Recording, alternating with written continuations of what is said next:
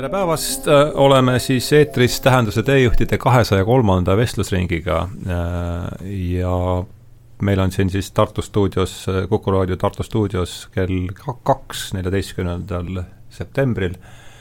Youtube'i jõuab see vestlus ilmselt siis kusagil võib-olla kahekümnenda paiku aga igatahes järjekorranumber on kakssada kolm ja, ja seekord on mul erandkorras äh, suur rõõm tutvustada siis stuudios ja tervitada stuudios äh, kolme külalist, tavaliselt on külalisi kaks. hakkame siis äh, äh, paremast äärest pihta, tere tulemast, Signe Mällo! tere, Hardo ja teised tere tulemast, Tanel Mällo! tere, Hardo, tere, Kaie, tere, Signe! tere, Tanel! ja tere tulemast äh,, Kaie Metsla! Tere! meie tulime siis siia, sõitsime Tallinnast kahekesi ja, ja see, mitmes kord see meil on võõrustada paare, kes meil on, Ain ja Agne käisid meil? Ain ja Agne, siis käisid, käisid Indrek ja Anna. ja siis käisid Vainu. Lasmanid. jah, Sven, Sten, Sten Las, ja Lasman ja Mari Lasman, see on siis neljas kord meil vist seda sellises formaadis. kas ei olnud nii, et ükskord käisid Signe ja Tanel Mello ka? Ei, aga siis ei, ma olin üksi. siis ma olin üksi, jah, niimoodi, jah, jah, nii et lõikame, lõikame selle välja. See jääb nüüd igaveseks äh, Youtube'i. Aga mis saade, mis number see saade võis olla, ma ei jõudnud vaadata, ma vaatan selle järgi, et jah, korra korra, korra me siin, korra te, nii et jah, Signe ja, ja Tanel on äh, stuudios teist korda. ja kohe ma vaatan järele, mis, mis see siis meil oli. Äh, nii. see oli ikkagi juba kooli kohtumine, sada kakskümmend. Ivan, äh, Ivan Illits oli see ankur vist, millest me siis, eks ole, äh, teele läksime.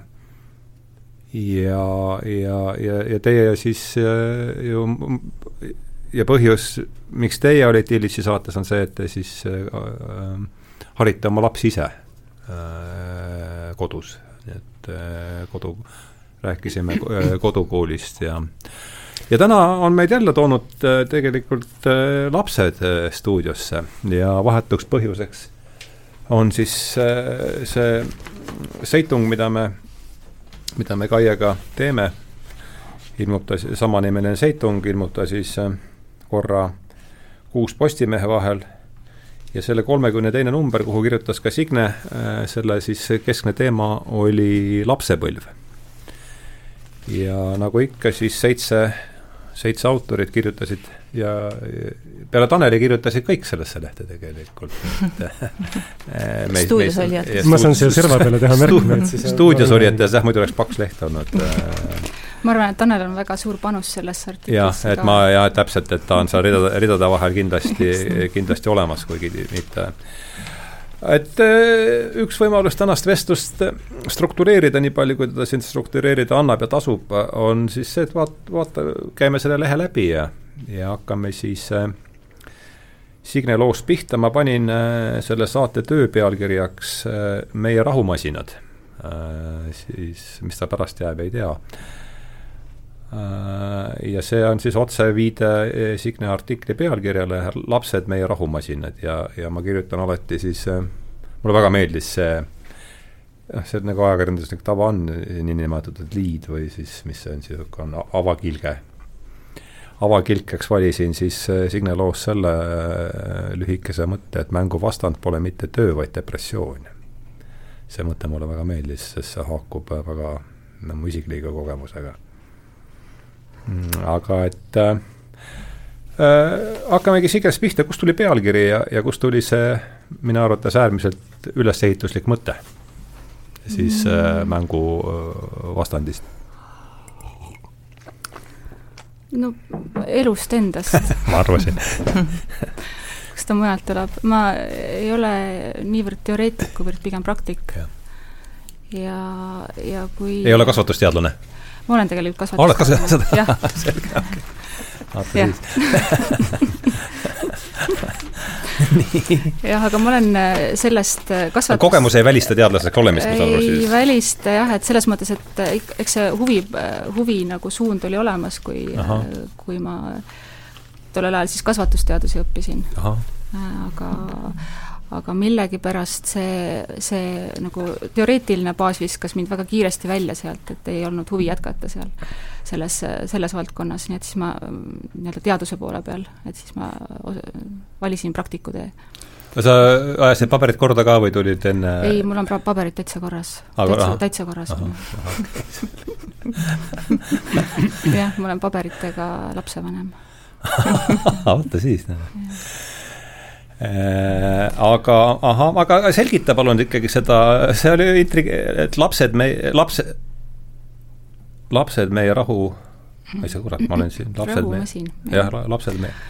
Äh, selle, selle idee ma laenasin Timo Honkelalt, äh, olemata kusjuures tema nagu seda, seda teost, mis on, Tanel, võib-olla sina oskad kommenteerida, mis seal nagu täpsemalt kirjas on, sellepärast et ma seda teost läbi ei lugenud mm. -hmm aga ma seda sirvisin ja tegin sealt noppeid ja siis ühel hetkel ma sain aru, et see noh, mind kõnetas just nimelt see rahumasina mõiste mhm. iseeneses, et ähm, et kui me loome, loome lastele lapsepõlve ja ja see lapsepõlv on täis agressiivsust ja, ja rangeid piire ja piiranguid ja tühimängust ja vabadusest ja loomerõõmust, et siis, siis, siis tõenäoliselt me ei saa ehitada ühiskonda, kus oleks rahu, kus oleks austust, kus oleks vabadust, kus oleks lusti,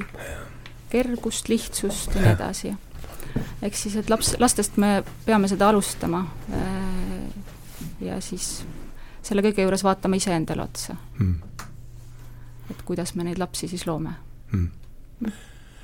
nii et siis Timo Honkala Rahumasin, ma saan aru, oli see, oli see, kus see, kus see kujund tuli, et ja ma saan aru, et sul on rohkem olnud selle raamatuga pistmist, Tanel, et kes on Timo Honkala ja mida ta siis täpselt räägib selles raamatus? ja, ja Timo Honkala on üks äh, Soome arvutiteaduste, äh, arvutiteadlane. Äh, ja sellel pikemalt peatumata Äh, tema mõte, see, see konkreetne raamat räägib minu meelest peamiselt tehisintellektist või noh, neist masinatest, mis täna meil maailma valitsevad, võiks sellest teha sellise üldistuse, et, et eks igasugune masin käitab midagi ähm, ja see mehhanism, noh, ta on põhimõtteliselt mehhanism, mis midagi käitab, eks ole, äh, milline see mehhanism on, suhteliselt ükskõik, masinaid on ju palju, sellest me oleme ka siin ruumis varem rääkinud ja noh, mina masinaid väga ei armasta. Eh, just sellepärast, et, eh, et, et sõltub, eh, sõltub sellest, millele see masin on Äh, seadistatud, mis mm -hmm. eesmärgile see on seadistatud, aga siis äh, kui eesmärk on seadistatud, alati keegi seda üht või teistpidi teeb, siis vajutame nuppu ja siis ta hakkab oma, oma masinavärki käitama. ja, ja kui me räägime tehisintellektist, siis äh, noh, see, see käitab igasugu asju maailmas. kui me räägime lastest kui rahumasinast, siis, siis me võime lihtsalt käsitleda seda metafoori, paranda mind, kui ma eksin, millegi sellisena, et, et nii nagu me seadistame oma mm, -hmm. oma järeltuleva põlve sellise maailma nad meie jaoks, meie, meie vanaks eaks tõenäoliselt äh, valmis käitavad. et, äh, et nii tajun mina seda rahu, laste kui rahumasina metafoori, mida Signe kasutas mm. -hmm. kas see on adekvaatne? mitte ainult meie enda jaoks, vaid ka järeltuleva põlve ja järeltuleva põlve ja järeltuleva põlve jaoks. ja Hardo ja Kaia jaoks. jah ja, mm -hmm. kõik kiirgub, kõik on kõigega seotud, äh, on see ont-, ontoloogia seal all tõenäoliselt. Äh, Kaie, kus, äh, võtame siis, äh, mis, ma mäletan, et me, kui me Signe artiklit lugesime, siis see meile, meile mõlemale meeldis ja üldse kõik tugevad artiklid on minu meelest selles, selles mm -hmm. lehes ja et mis sul on Signe loost jäi, jäi, jäi kõrva või sil-, või silma? no kõigepealt, kui Signe ütles, et tema on eelkõige praktik, et küll ka paberid on korras ja et, et ma olen ka samasugune praktik. et, et teoorias teoorias ma olen ikkagi võib-olla nõrgem või see teooria on tulnud tagantjärgi sa ei ole kasvatusteaduste magister, nii palju kui mina tean? ei ole, ei ole. aga aga mis selle, kui see Signe lugu saabus, siis mis mulle jälle kõige rohkem meeldis, oli see, et et äh, Signe on tituleeritud siin, et Signe Mällo on viie lapse ema.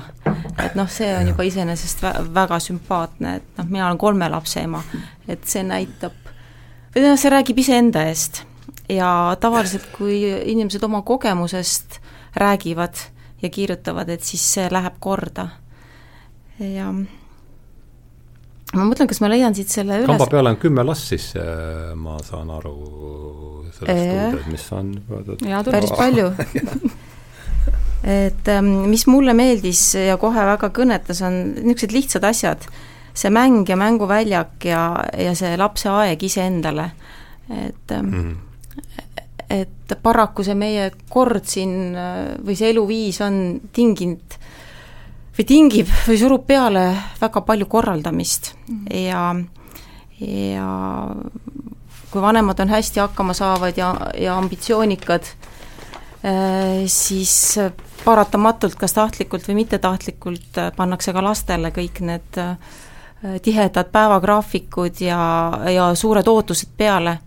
ja sellel hetkel võib-olla tundubki, et noh, et see on väga lahe, et et äh, laps saab väga laiapõhjalised kogemused ja, ja noh, ühest või teisest asjast nagu aimu, et õpib viiulit mängima ja jookseb hästi ja koolis õpib viitele, aga et see kõik, et see kõik näe,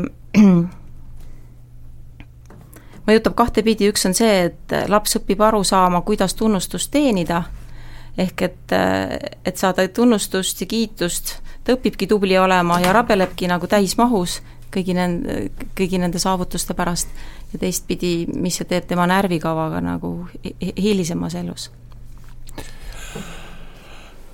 kõik praeguseks ähm,. aga siis võtame teine ring, siis mis, mis mulje üldse Signe Terveleht jättis, jäi sulle midagi, sest on nüüd mõnda aega möödas, aga et jäi sulle midagi endale veel seal niimoodi silma, millele meelest polnud varem mõelnud või midagi? kõik olid head artiklid mulle mul on ennekõike, meeldib mulle see, et sa üleüldse võtsid selle teema väljale, et see on nagu suur asi.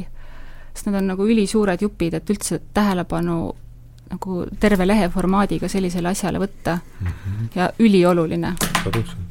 Et ähm, et lihtsalt tunnustus sulle selle eest, et sa seda, seda tegid. no seal oli lugu oli all, trauma oli all ja, ja Jah, kõik jah, see, ega see ei tulnud tühja koha pealt. sõltuvus, kõik sellised asjad. mm. -hmm. nii et äh, ma, ma võib-olla isegi ei tooks ühtegi asja nagu e- ekstra välja, sest et noh, kõik on tuttav ja kõik nagu leiab äh, koha äh, iga, iga see mõte või, või sõna, mis siit nagu läbi on käinud sellest artiklist, leiab nagu koha, nagu integratsiooni koha. Mm, võib-olla sirvin selle vahepeal läbi ja, ja vaatan, et, et mis ma, mis ma siit, mis noppeid ma iseenda jaoks tegin.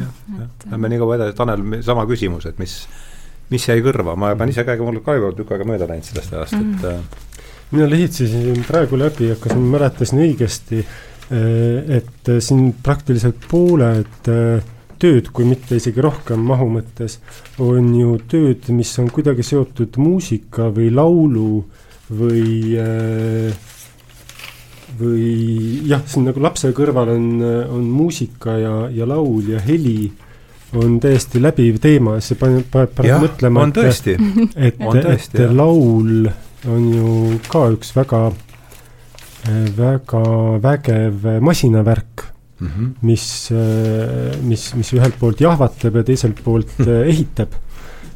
ja noh, kõik, võib-olla see on nagu selline esimene, võib-olla ideaalses maailmas see on esimene, esimene niisugune suurem asi, mis äh, see väike inimene ema kehas kasvades võib, mille, mille kaudu ta võib maailmast osa saada, et kuskilt tuleb heli ja laul ja, ja selline muster, seal, hakkab vermima äh, aju ja seda ja valmistama ette selleks maailmaks, kuhu ta siis sisse astub, et äh, Signe, sina oled rääkinud äh, minu meelest korduvalt seda lugu või ma eksin, sellest laulust, mis mm, -hmm. mis inimese jaoks tehakse valmis mõnes, mõnes kogukonnas siis, kui ta alles plaanib tulema hakata. Ja jah, et lauluga võetakse vastu ja hm. ja lauluga ta kasvab sellesama ühe lauluga, Sellesama lauluga, sellesama lauluga, hm. kasvab ema üsas ja siis, kui ta välja tuleb, tuleb ta sellesama lauluga. see on nüüd põlisrahvaste see on põlisrahvaste jah, teema jah, jah. et äh, ja ja siis ta lapsepõlv möödub sellesama lauluga nii Hmm. hmm. nii valus kui rõõmus Hm. ja, ja kui ta peaks teelt eksima, Hm. Siis kutsutakse ta selle lauluga tagasi. Mm. mitte ei panda teda trellide taha või eraldata hõimust, vaid et kutsutakse sellesama lauluga ta koju tagasi. Hm. ja see, see, see lugu algab äh, nii nagu mina seda mäletan, algab sellest kohast, et kui naine tunneb, et, et üks, et üks inimene soovib tema kaudu ilma tulla, siis ta läheb kuhugi omaette kohta ja ja kuulatab. uitab seal ja kuulatab niikaua, kuni ta saab kätte selle laulu, millega niimoodi. see inimene siis tuleb. ja siis see naine läheb kogukonda tagasi ja, ja laulab seda laulu võib-olla sellele mehele, kellega ta seda, seda last hakkab saama alles ja kogukonnale ja, ja, ja siis niiviisi see laul muudkui hõlmab seda inimese tulekut. see on natuke nagu see Vision, Vision Quest või midagi, ta sellist, sellist äh, ma ei tea, kuidas see, mis see, kuidas see Vision Quest eesti keelde on tõlgitud, niisugune nägemuse Mm. otsing või midagi seal sarnast, sarnast elementi tundub seal sees no selline maailma loomine, mm. Mhm. -hmm. et äh, ja, ja kui seesama idee tõsta, eks ole, praegusesse konteksti, et kuidas äh, see, mida sa, Kaia, ütlesid, eks ole, tunnustus on ju, Mhm. et me jahime ja püüdleme kuhugi, otsime mingit välist, eks ole, aga kui me selle sisemuse või tuumani jõuame, et siis on see asi hoopis midagi muud. Mhm. et ja kui me selle eest ei saa tunnustust või ka selleks, et sellest ei saaks hea he,, saa heakskiitu või vastuvõtmist, et siis on, siis ongi seesama tulemus, eks ole, et me oleme katkised inimesed lihtsalt. jah. Kaie, mis sulle jäi veel, kui vaatame lehte tervikuna, paar ma- mõtet, mis äh, sulle nagu eriti kõlama jäid? ma kuulan, ma kuulan seda laulu poolt, et et äh, see on suur õnn, kui sa sünnid, sünnid lauluga ja sünnid peresse, kus osatakse laulda. noh, kuigi öeldakse, et me kõik oskame, aga ei ole harjutanud, aga igal pool ei ole see tavaks, aga noh, teine oluline asi minu arust, mis siit ka läbi käib meie lehest, sellest numbrist, on see mäng mm. Mhm. et kui oluline asi on lapse jaoks mäng. ja, ja mul seal noorte rubriigis, kui Paul Aleksander kirjutab äh, sellest, et et mis hetkest siis lapsepõlv lõpeb Jah. ja. ja arutleb ja siis ta jõuab äh, minu arust ühe mm -hmm. vahva mõtteni, et, et lapsepõlv, et ta tagantjärgi saab aru, et noh, lapsepõlv kestab tihtipeale edasi ja see ei ole niimoodi, et siin on üks kindel piir. Aga et äh, tema jaoks võib-olla oli üks tunnusmärk see, et lapsepõlv äh, on läbi saanud, kui mänguasja kast jäi ühest suvest puutumata. jah. ehk et enam ei võetud neid, neid asju sealt kastist välja. ma loen ette selle koha järsku, selle väljaste. loe. mulle tundub, et lapsepõlv, lapsepõlv lõpeb siis, kui lapses ärkab täiskasvanu hing. see on hetk, kui mõttemaailm hakkab muutuma realistlikumaks ja seni armsad mängukannid jäävad pigem taha, tagaplaanile. arvan, et minu, minu puhul toimus täiskasvanu hinge ärkamine kuskil põhikooli keskpaigas. mäletan, kuidas ühel su suvevaheajal jäid eelmisel subra, suvel sõbraks olnud mäletan, kuidas eelmisel, kuidas ühel suvevaheajal jäi eelmisel suvel sõbraks olnud mänguasja kast puutumata. siis ei märganud ma sugugi, et minus oleks midagi muutunud või teisiti. nüüd mõistan, et kirjeldatud hetk oligi just see pöördepunkt. Ole hea, jätka, et ma lihtsalt andsin selle, selle, selle koha pealt. no ja siis on küsimus, et kui, et kuidas seda last mängu juures hoida või et kuidas see laps ise ennast mängu juures hoiaks ja et mis on need mänguasjad, millega ta mängib. et mulle jälle tuleb lihtsalt meelde see, et, et ähm, et meil tänapäeval pole ju probleemi sellest, et noh, mänguasja ei oleks. et ükskõik kuhu poodi lähed, on väga palju mänguasju. Aga samas oli üks väga tore juhtum, see oli mõni suvi tagasi. Äh, üks hea sõbranna lihtsalt kuidagi tuli juttu, me nägime mingeid lapsi mängimas maal ja metsas ja ja siis ta ütles, et issand, kas sellised lapsed on veel olemas, kes teevad puupulgast selle hobuse ja jooksevad sellega mööda õue ringi. Või siis äh, ehitavad kividest ja teokarpidest mida, mingeid äh, onne, et noh, see on, et need on asjad, mis on, mis on nagu nii ehedad.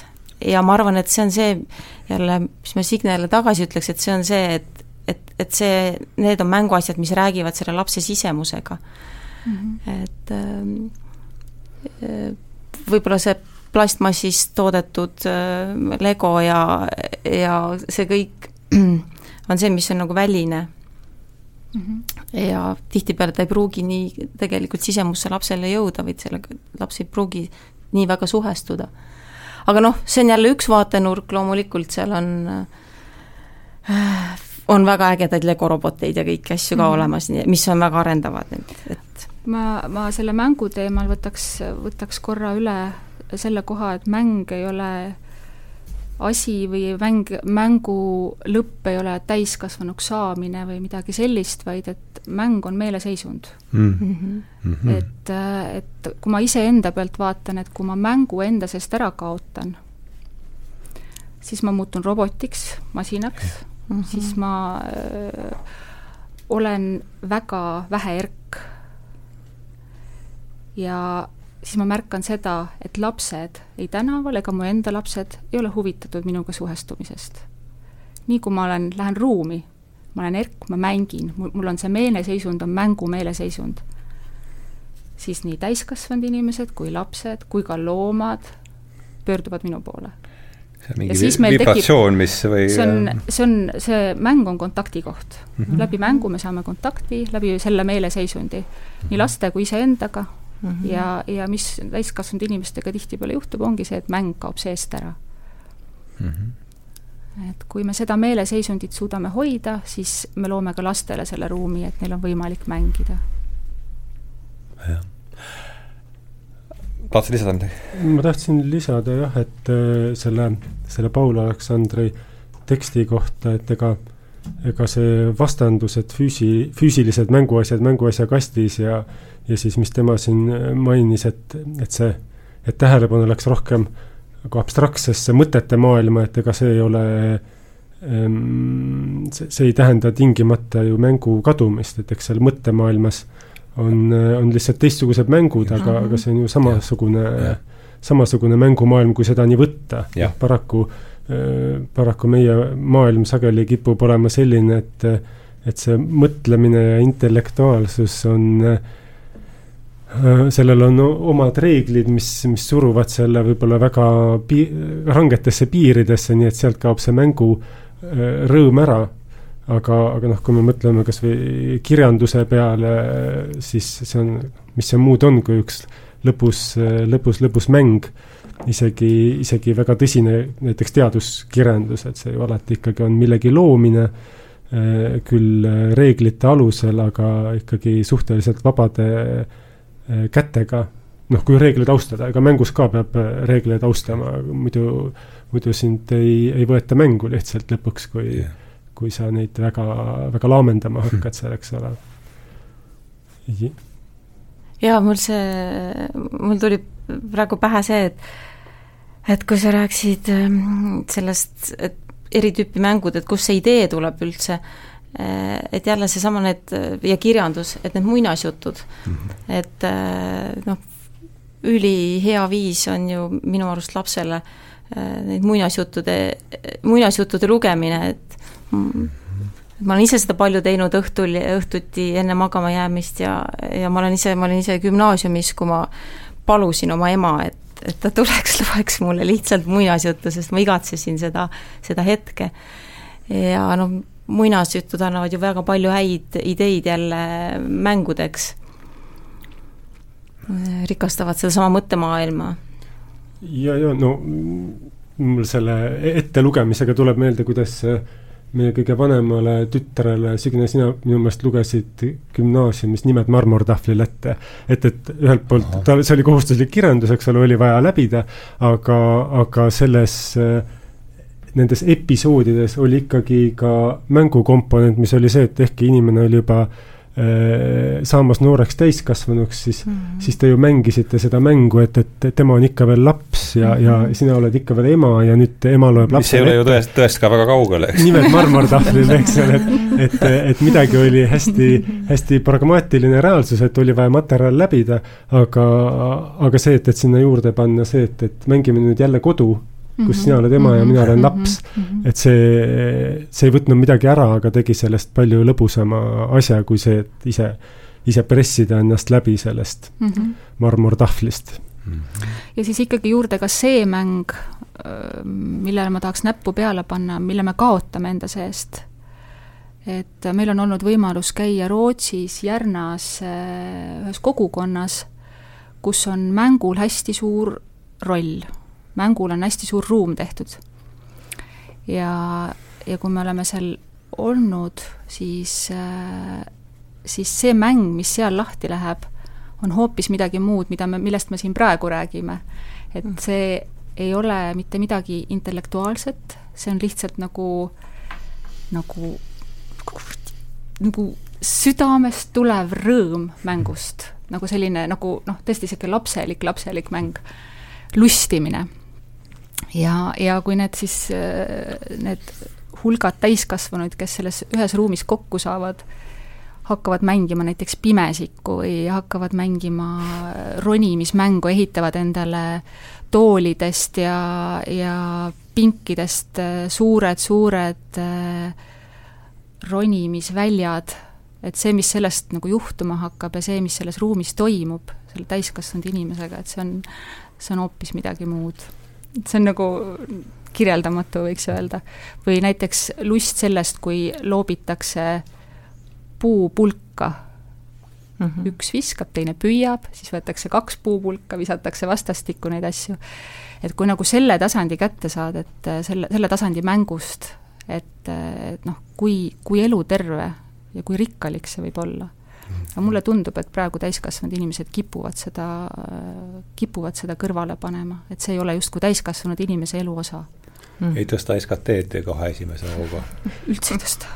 jah, see kõige, kõige tähelepanuväärsem episood, mis mulle on meelde jäänud, oli ikkagi see mäng, kus, mille sisuks oli, et viskame need pulgad maha see on nüüd see Rootsi kogukond ikka, jah? et, et see mäng oli, et, et viskame need pulgad maha ja vaatame mis juhtub?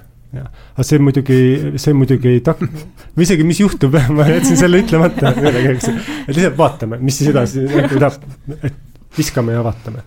kas see on see Hiina, see I Ching on ju ka sama põhimõttega natukene või? usutavasti see on, on universaalne nähtus. aga just, et, et see, et, see, et, et selle, et me seal harrastasime selliseid tegevusi, see ei takistanud muidugi seda asja nimetamast äh, teiselt poolt vastu tulles intuitiivpedagoogika suvekooliks. Eks ole, et, et ärme, noh, et, et üks ei välista teist. aga, aga et kui, kui normaalsele täiskasvanule öelda intuitiivpedagoogika suvekool, siis, siis noh, see võib-olla ei tõmba nii käima seda tunnet, et nüüd tahaks pulkasid visata maha ja lihtsalt siis nagu olla seal juures vaid et siis tahaks kohe hakata midagi võib-olla väga intellektuaalset konstrueerima. Äh, aga üks ei välista teist, jah. Kaie, tahad sa lisada midagi?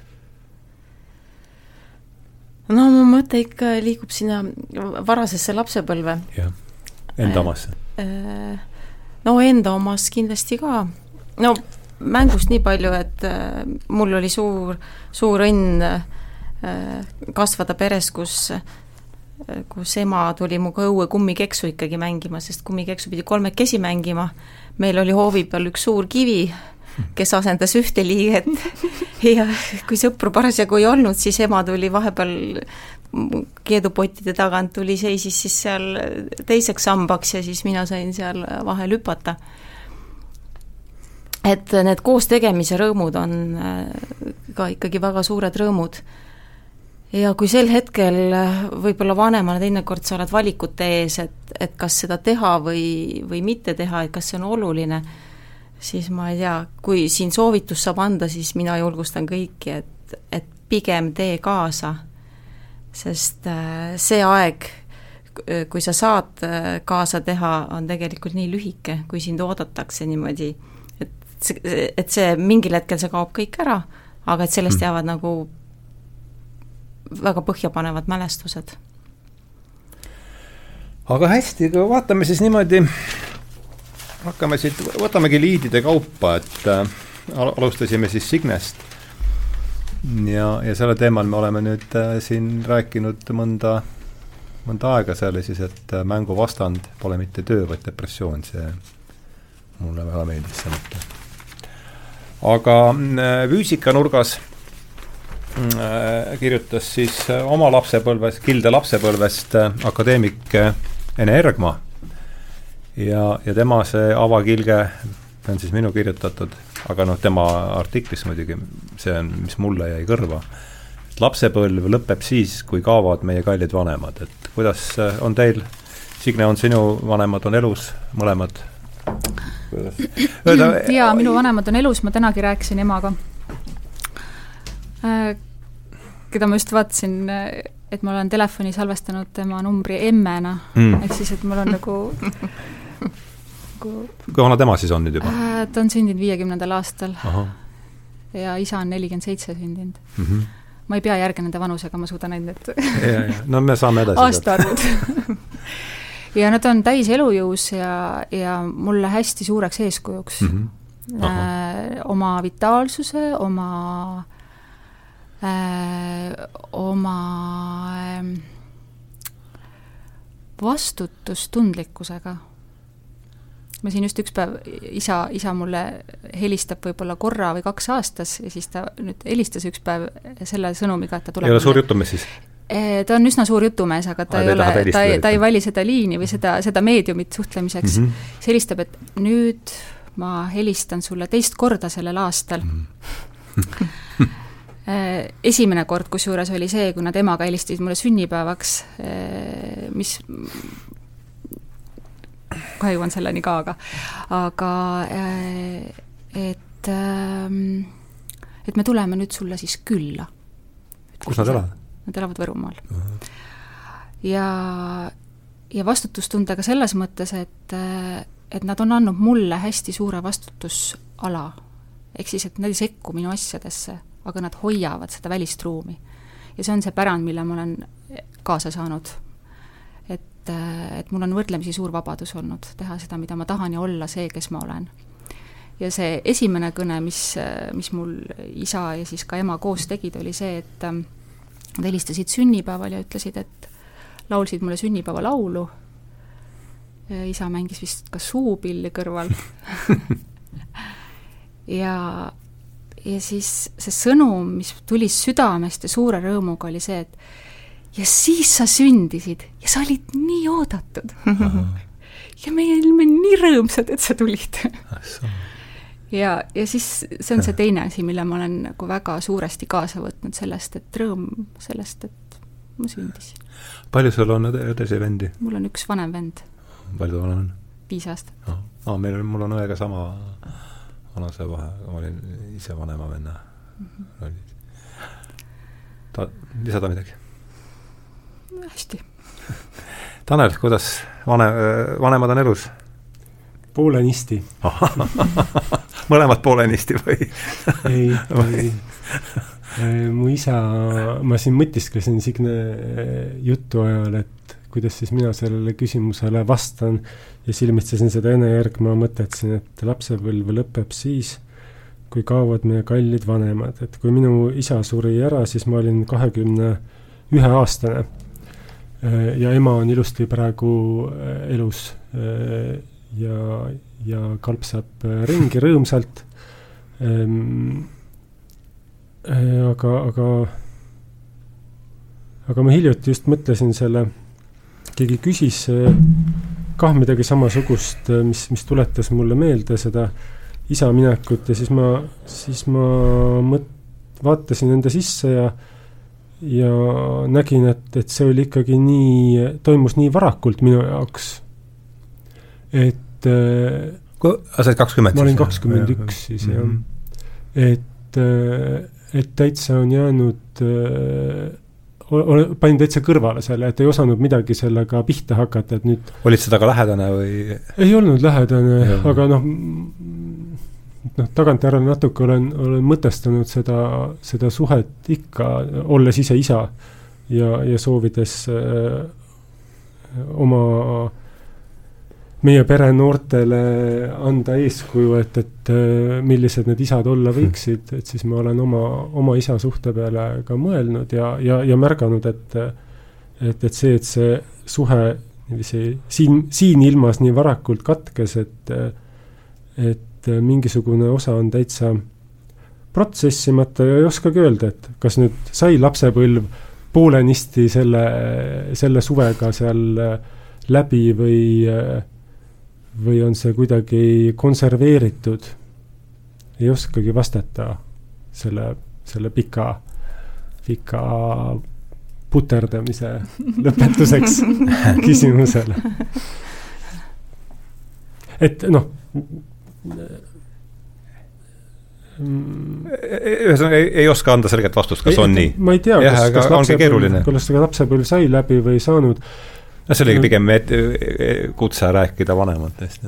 et mis see lapsepõlv üldse on, et ta nüüd kuidagi peaks läbi saama või mitte, selles mõttes, et mina ikka, mulle meeldib äh, vaadata kõiki suhteid niiviisi, et ega nad kuidagi päris ära lõppeda ei saa, kui nad kord juba alanud on, et äh, tahad või ei taha, aga muudkui kestavad edasi, isegi ja. siis, kui inimene on kas ära surnud või, või ei suhtle või, või lähed tänaval teisele poole teed aga suhe ikka kestab ja mõnikord kõvemini veel, kui, kui sa sinna teisele poole teed lähed, kui siis, kui, kui lihtsalt äh, möödudes tere ütled. et äh, ja samamoodi noh, lapsepõlv, et ega ma, vanemad äh, lõpuks meil kõigil surevad ära, et, et ega, ega meil hakka nende lapsed olemast. ja need masinad, tulles tagasi meie kujundi juurde, et me ju ikka ikka jahvatame edasi seda, mis me noh, muuhulgas oma vanematelt kaasa oleme saanud.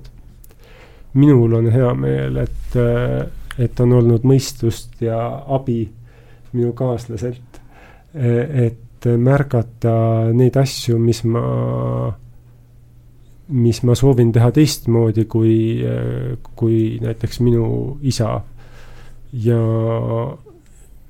ja mm, et, et seda masinat mitte päris, et seda masinat ümber seadistada, mis, mis algselt seal kaheksakümnendatel äh, käima sai pandud, et äh, noh, et selles lapseks olemises on, on ka õnneks mingisugune omavastutuse osa hmm..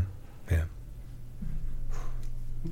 nüüd ma pean selle vastuse antuks Well done Kaie?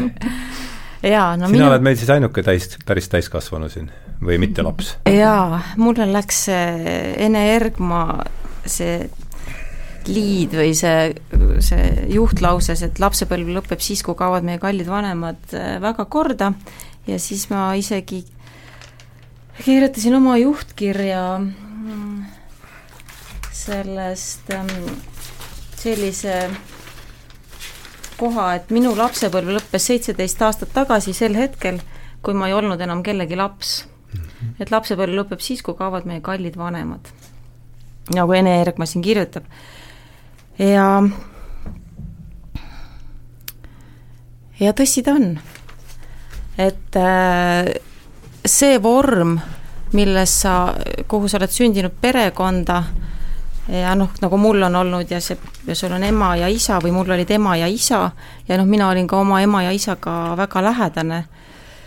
Äh, mõle, kumbagi ka omal viisil, aga siis noh, see hetk, äh, kui sa kaotad ikkagi väga lähedase inimese, see, kes on kaotanud, need, need teavad, et see isegi kui sa tead, noh minu vanemad sündisid tuhat üheksasada kakskümmend viis ja tuhat üheksasada kakskümmend üheksa, mis tähendab, et juba äh, ma olin niisuguses hilises eas sündinud laps, et nagu osaliselt on ju, oli juba programmeeritud sinna sisse see, et äh, ma kaotan võib-olla noh, nooremana, kuigi see ei ole ka mingi seaduspärasus, aga, aga mingi statistiliselt, jah. statistiliselt jah, oma vanemad, aga see hetk on ikkagi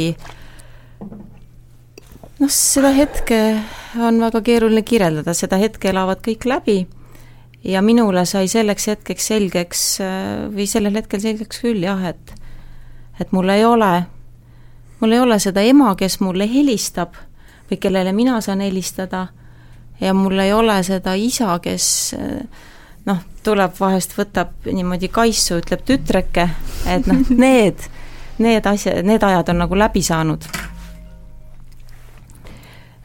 Ja nend-, sellel hetkel ongi need ainsad lohutavad asjad minu jaoks, et, et, et seda elavad kõik ükskord läbi.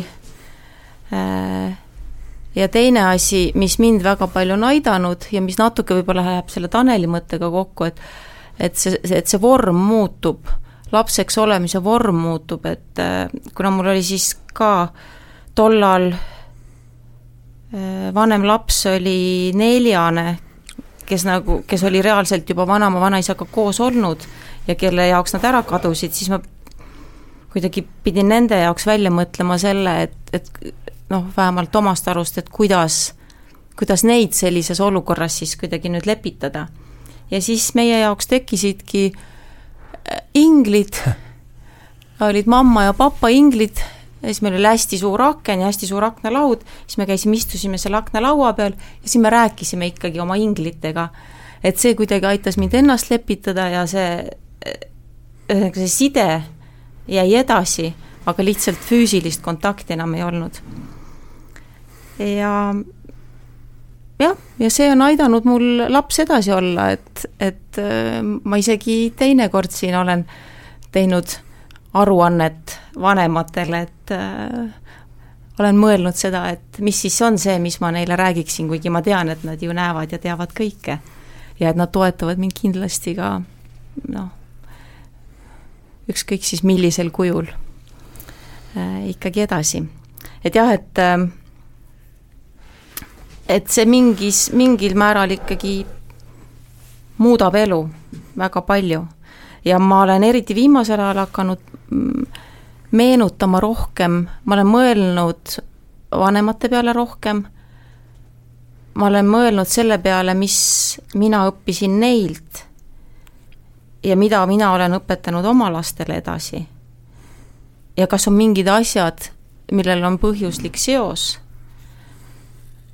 Äh, ja kas on mingid asjad, mida ma saaksin näiteks teistmoodi teha.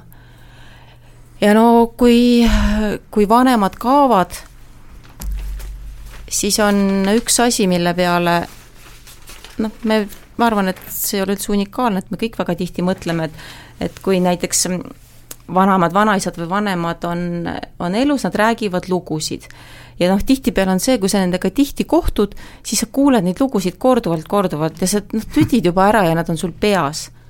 aga sellel hetkel, kui neid enam ei ole, siis need vaikselt kõik kaovad unustuse hõlma. et kui väga ma praegu tahaks äh, seda, et, et isa räägiks mulle veel neid lugusid, äh, mis ta mulle rääkis no nõukogude ajal ehitati, mu isa ehitas maja, hakkas ehitama siis, kui ma olin nelja-aastane ja ja kui ma olin kuusteist, siis me kolisime jõuga sinna majja lihtsalt sisse, et, et nagu ma natukenegi saaksin seal elada. et siis noh, see pilt ei lähe mul meelest, kus seal oli vana puu, mis vana, uues majas ei saagi vana olla, aga aga vana tüüpi puupliit, äh, mille isa oli ehitanud, seal peal oli uks ja suur lambanahkne kasukas ja siis ta pidas lõunapausi ja siis kutsus, kutsus ma sinna lambakasuka juurde kaisu ja siis rääkis mulle neid lugusid. ja see on nagu, see on nagu nii ehe hetk, et ma tahaks neid lugusid kuulda nüüd veel ja veel. või siis ema peale, mida ma mõtlen, et ta käis tööl, hommikul kaheksaks läks, õhtul viiest tuli. ja kui ma tulin lasteaiast siis tal oli, ta oli iga päev jõudnud siis lõunatunni ajal mu nukule kas heegeldada väikese kampsuni või õmmelda mingi seeliku, nii et see oli nagu see, kuidas mind lasteaiast koju oodati. et, äh, et need mälestused tulevad praegu palju ehedamalt äh, mälus esile, kui sel, kui sel ajal, kui sa oled selles füüsilises pereringis olemas ah,. noh, eks ma siis olla solidaarsed, siis peaks vist ei, sobi ainult pärida, vaid et et mina olen kõige lähemal Taneliga, et ema on, ema on elus, isa on surnud, pole siin ka mõtet suurt saladust teha, ma kirjutasin sellest äh, trauma, traumalehe juhtkirjas, et isa, isa poos ennast üles saeveskis, nagu tema isa oli poonud ennast Meiereis. et nii palju on selles äh, monotoonses loos ka vaheldust ja, ja noh, oleks ma sinna teleka ette jäänud äh, pikemaks vedelema, mm, mis kuradi, oleks ma ennast üles poonud Statistikaametist tõenäoliselt. kui vana sa olid siis ah,? mina, oli, isa oli viis, ma olin viisteist siis, kui isa ähm,, ma mäletan veel, et ma sõitsin bussiga linna ja siis nägin sealt, kui ta läks sinna saeviskesse, siis samal õhtul meil ak-, aknast nägin ja ja noh, eks ta on olnud niisugune, et pole ime, et et äh, sellega on olnud omajagu tegemist, nagu võib arvata, eks, ja, ja sellesse traumalehes sai sellest ka natuke kirjutatud, aga siia otsa, nii et jah, poolenisti siis äh,, poolenisti laps. Ähm, aga siia sobibki päris hästi võtta kohe järgmine lugu, järgmise loo avakilge. uue loo saab, kirjutab siis Anna Vainu, laps, lauliku Lapsepõli. Anna Vainu on metsalaulupeo kunstiline juht ja käisime see aasta ka mm -hmm. Anna juhitud laulupidu vaatamas ja soovitan äh, kõigile seda, toimus siis Hüpassaare äh, rabas seal ja oli tõesti väga tore kammerlik üritus mitte ainult vaatamas, vaid ja laul, ja ka sa, kaasa laulmas. seal saab ju ise kaasa joriseda, nii palju kui jalad võtavad. Et äh, ja Anna loo avakiri või siis avajuhtlause on see, et uue loo saab siia ainult kohal elada, pelgast targutamisest üksi ei piisa. Mm. Et äh, ma küsiks, formuleerin selle pealt järgmise küsimuse, et kui palju teie olete pidanud, võtame siis järgmise ringi, et kui palju teie olete pidanud oma loos, oma elus äh, lugu vahetama? plaati mil... vahetama, sa mõtled või? nojah, täpselt, võib. kasseti poolt. jah. et ja milles see loovahetus on äh, seisnud, et kui tahate kauem mm -hmm. mõelda no, mm, -hmm. et, et me ei pea täpselt selles järjekorras minema. jaa, ma võtaks küll hetke, see on huvitav küsimus. Äh, minul on, tähendab, ma mõtlesin midagi muud praegu, kui sa küsisid eh, kas sa võid lühidalt veel korrata, et ma, et, mul on vastus olemas ma pole kindel, kas see oli sinu küsimus, aga et eh, Anna räägib siin, et uue loo saab siia ainult kohale elada, pelgalt, pelgast targutamist üks ei piisa, meil viies, eh, lehe viies number oli otse, no tegelikult esimene number oli paradigma vahetus. viies lugu oli, oligi, või tähendab, viies leht oli uus lugu. nii et see uue loo teema, noh. Ega on selge see, et ma ei oleks elus, kui ma poleks oma lugu vahetanud. aga et ja küllap meil on kõigil selliseid sääraseid kogemusi, mõnel küll mitte nii dramaatiliselt mm, -hmm. ühel võib-olla dramaatilisemal kujul kui teisel, aga mm -hmm. aga noh, see tähendab enda mä-, määratlust, ühesõnaga jah. ja siis ikkagi jah, mul on sellele küsimusele vastus, et äh, minul on hästi konkreetne äh, plaadivahetus, mis ma tegin siis, kui ma olin kolmteist Äh, siis ma, ehk siis olin just lõpetanud seitsmenda klassi ühes Annelinna koolis siin Tartus ja ja otsustasin suvel, et, et ma sügisel ei taha enam sinna klassi ja sinna kooli tagasi minna, kuna kuna olin seal juba paar aastat olnud ühe, ühe teise nooruki selline valu väljaelamise koht. Äh, tänapäeva mõistes siis äh, mind kiusati mm. Äh, ja, ja siis ma tegin keset suurt suve otsuse, et, et nii enam ei lähe hm. ja läksin ühte teise kooli õppealajuhataja juurde, ütlesin, et selline lugu on, et tahaksin, tahaksin nüüd siia kooli tulla. ise läksid, jah? ma läksin ise mm. jah, sellel oh. lool on puänt ka et või isegi mitu. kuna ma olin hea õpilane, siis õppealajuhataja ütles, et et äh, kõik on arusaadav, et ta hea meelega võtab mind vastu ja siis ma läksin sellesse senisesse kooli õppele juhataja juurde, ütlesin, et et nüüd on nii ja et äh, lähen siis nüüd ära. ja siis ta ütles, et, et ta saab aru, et nemad ei suutnud seda kuidagi lahendada, aeg oli teine ka, eks ju. et, et väga toetasid mõlemad koolid minu seda liikumist.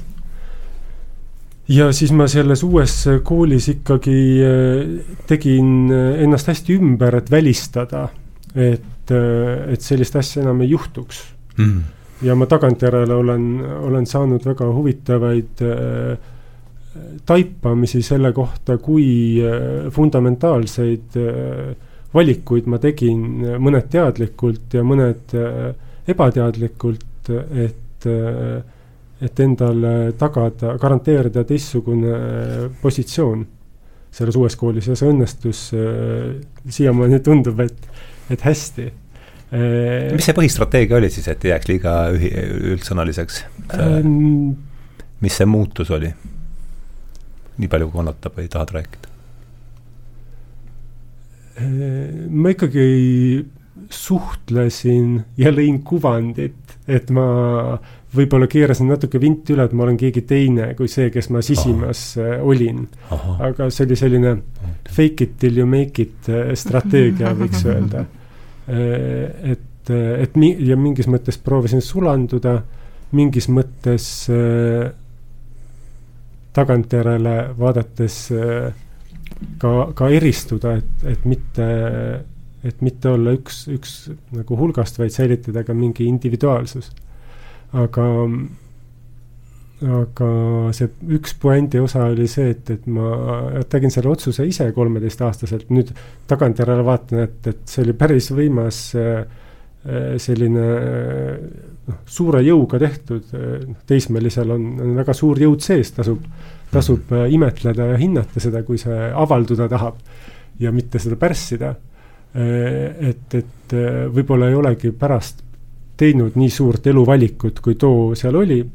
aga siin mõned kuud tagasi vestlesin oma emaga, küsisin ta käest, et mäletad, et seal üheksakümne kolmandal aastal, et seal seitsmendas klassis ma vahetasin kooli, et, et kas sa tead, miks ma vahetasin seda kooli?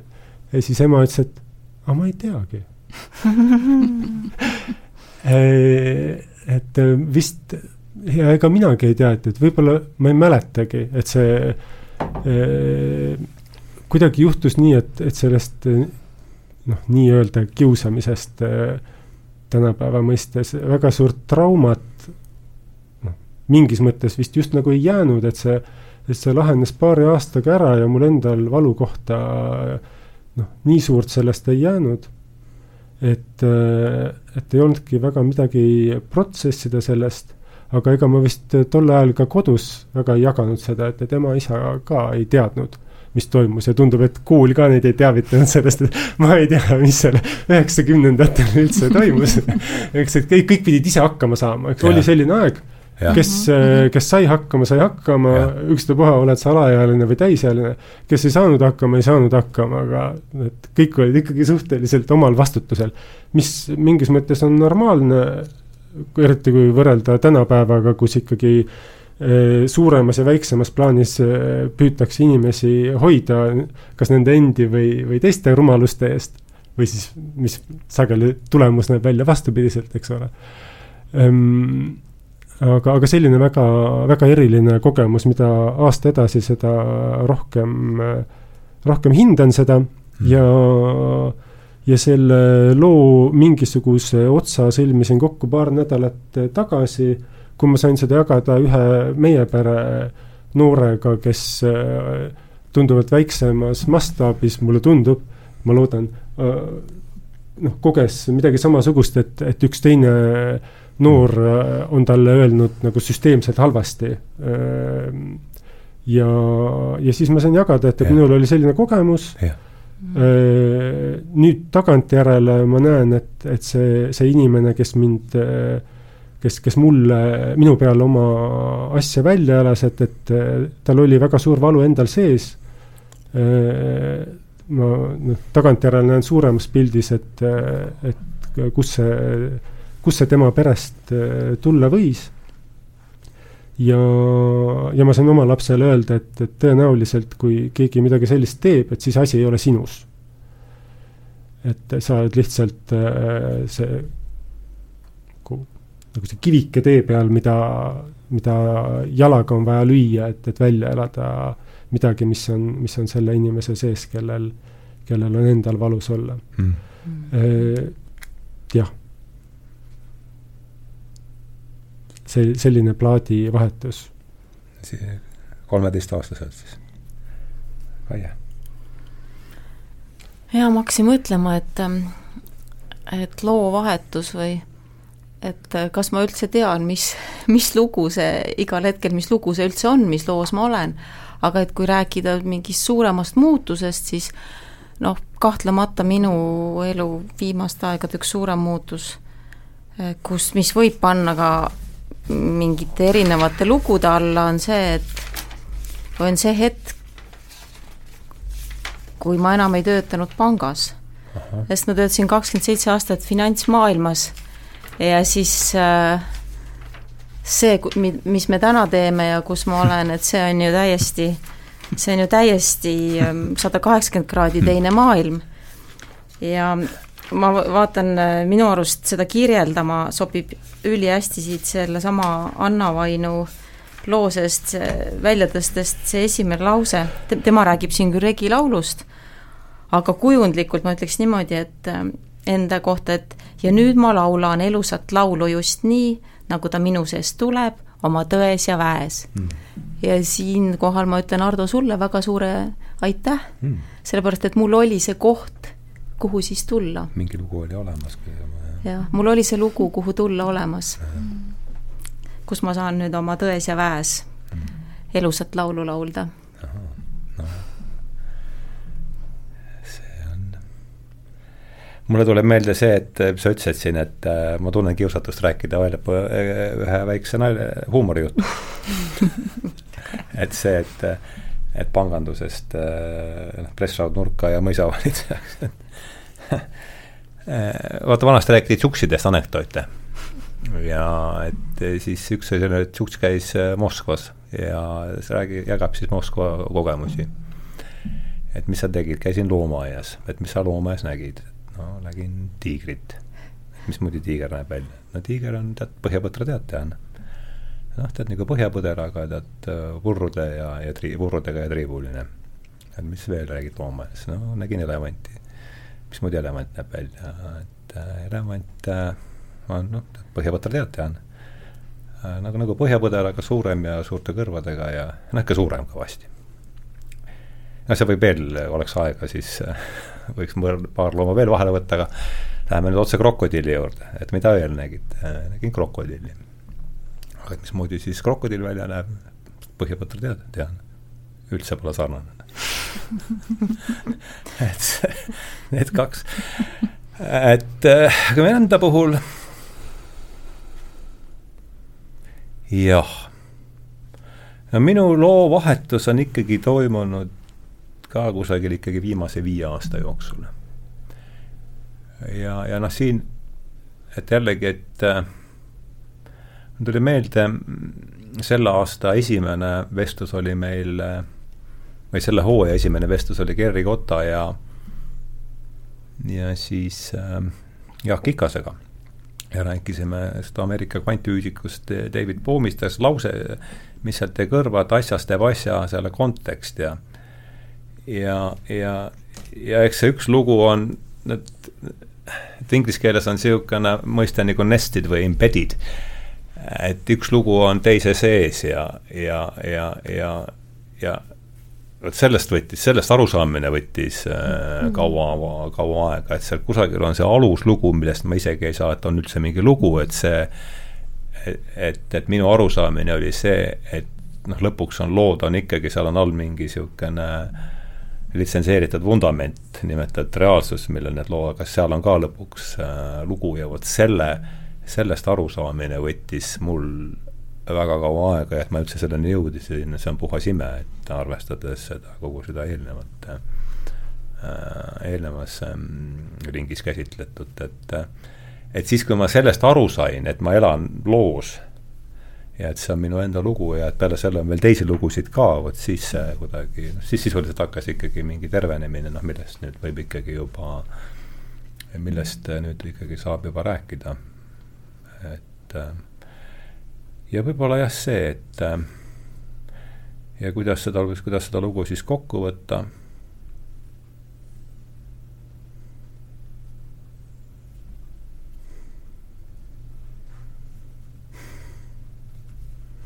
jaa.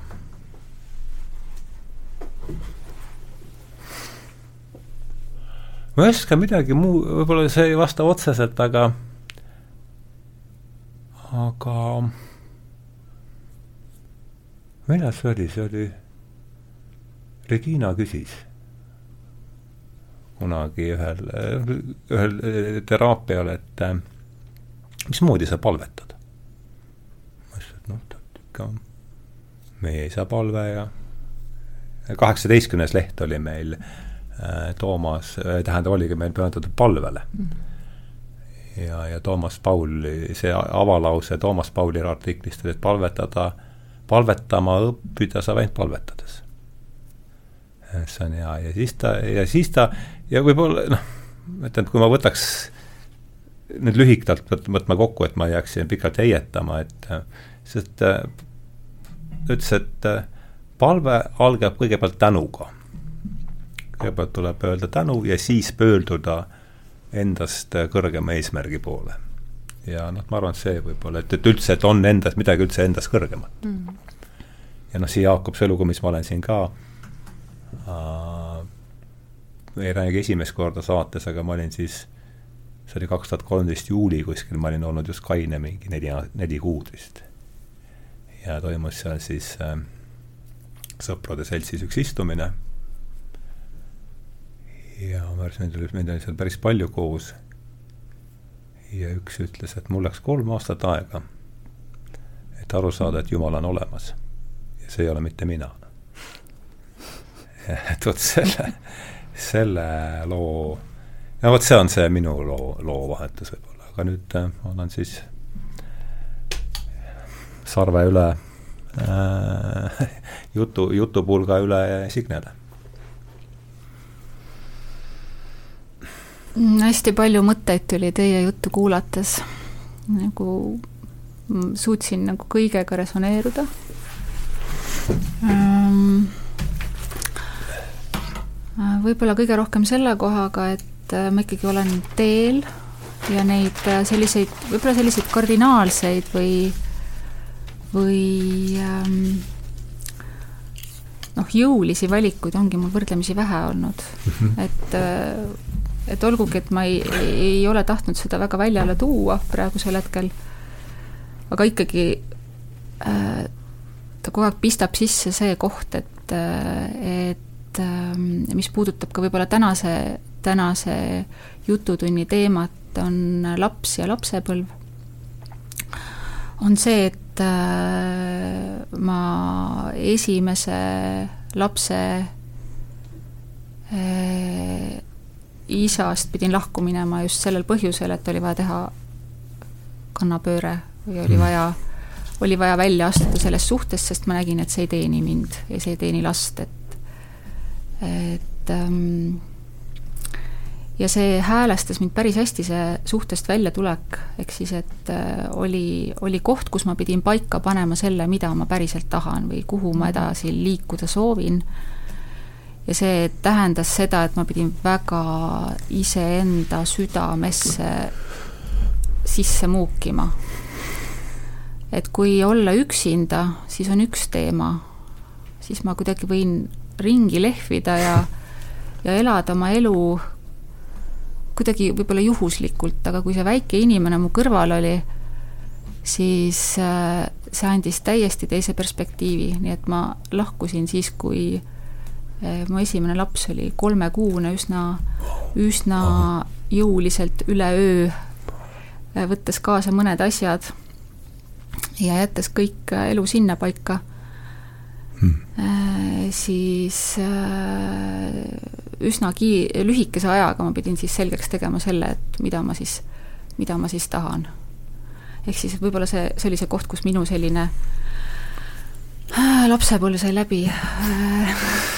See, see osa lapsepõlvest, äh, kas ma olin äkki kakskümmend kolm? sain olla. No sinna just, et äh, jah, et see oli nagu see, võib-olla isegi ei olnud ainult minu tee, vaid et see oli meie selline, minu ja siis selle vastsündinud lapse vaheline koostöö, et me jõudsime sellesse punkti mm., et nüüd on vaja sealt kohast välja astuda ja mm., ja edasi minna. ja see, see otsus on siiamaani mind väga hästi teeninud.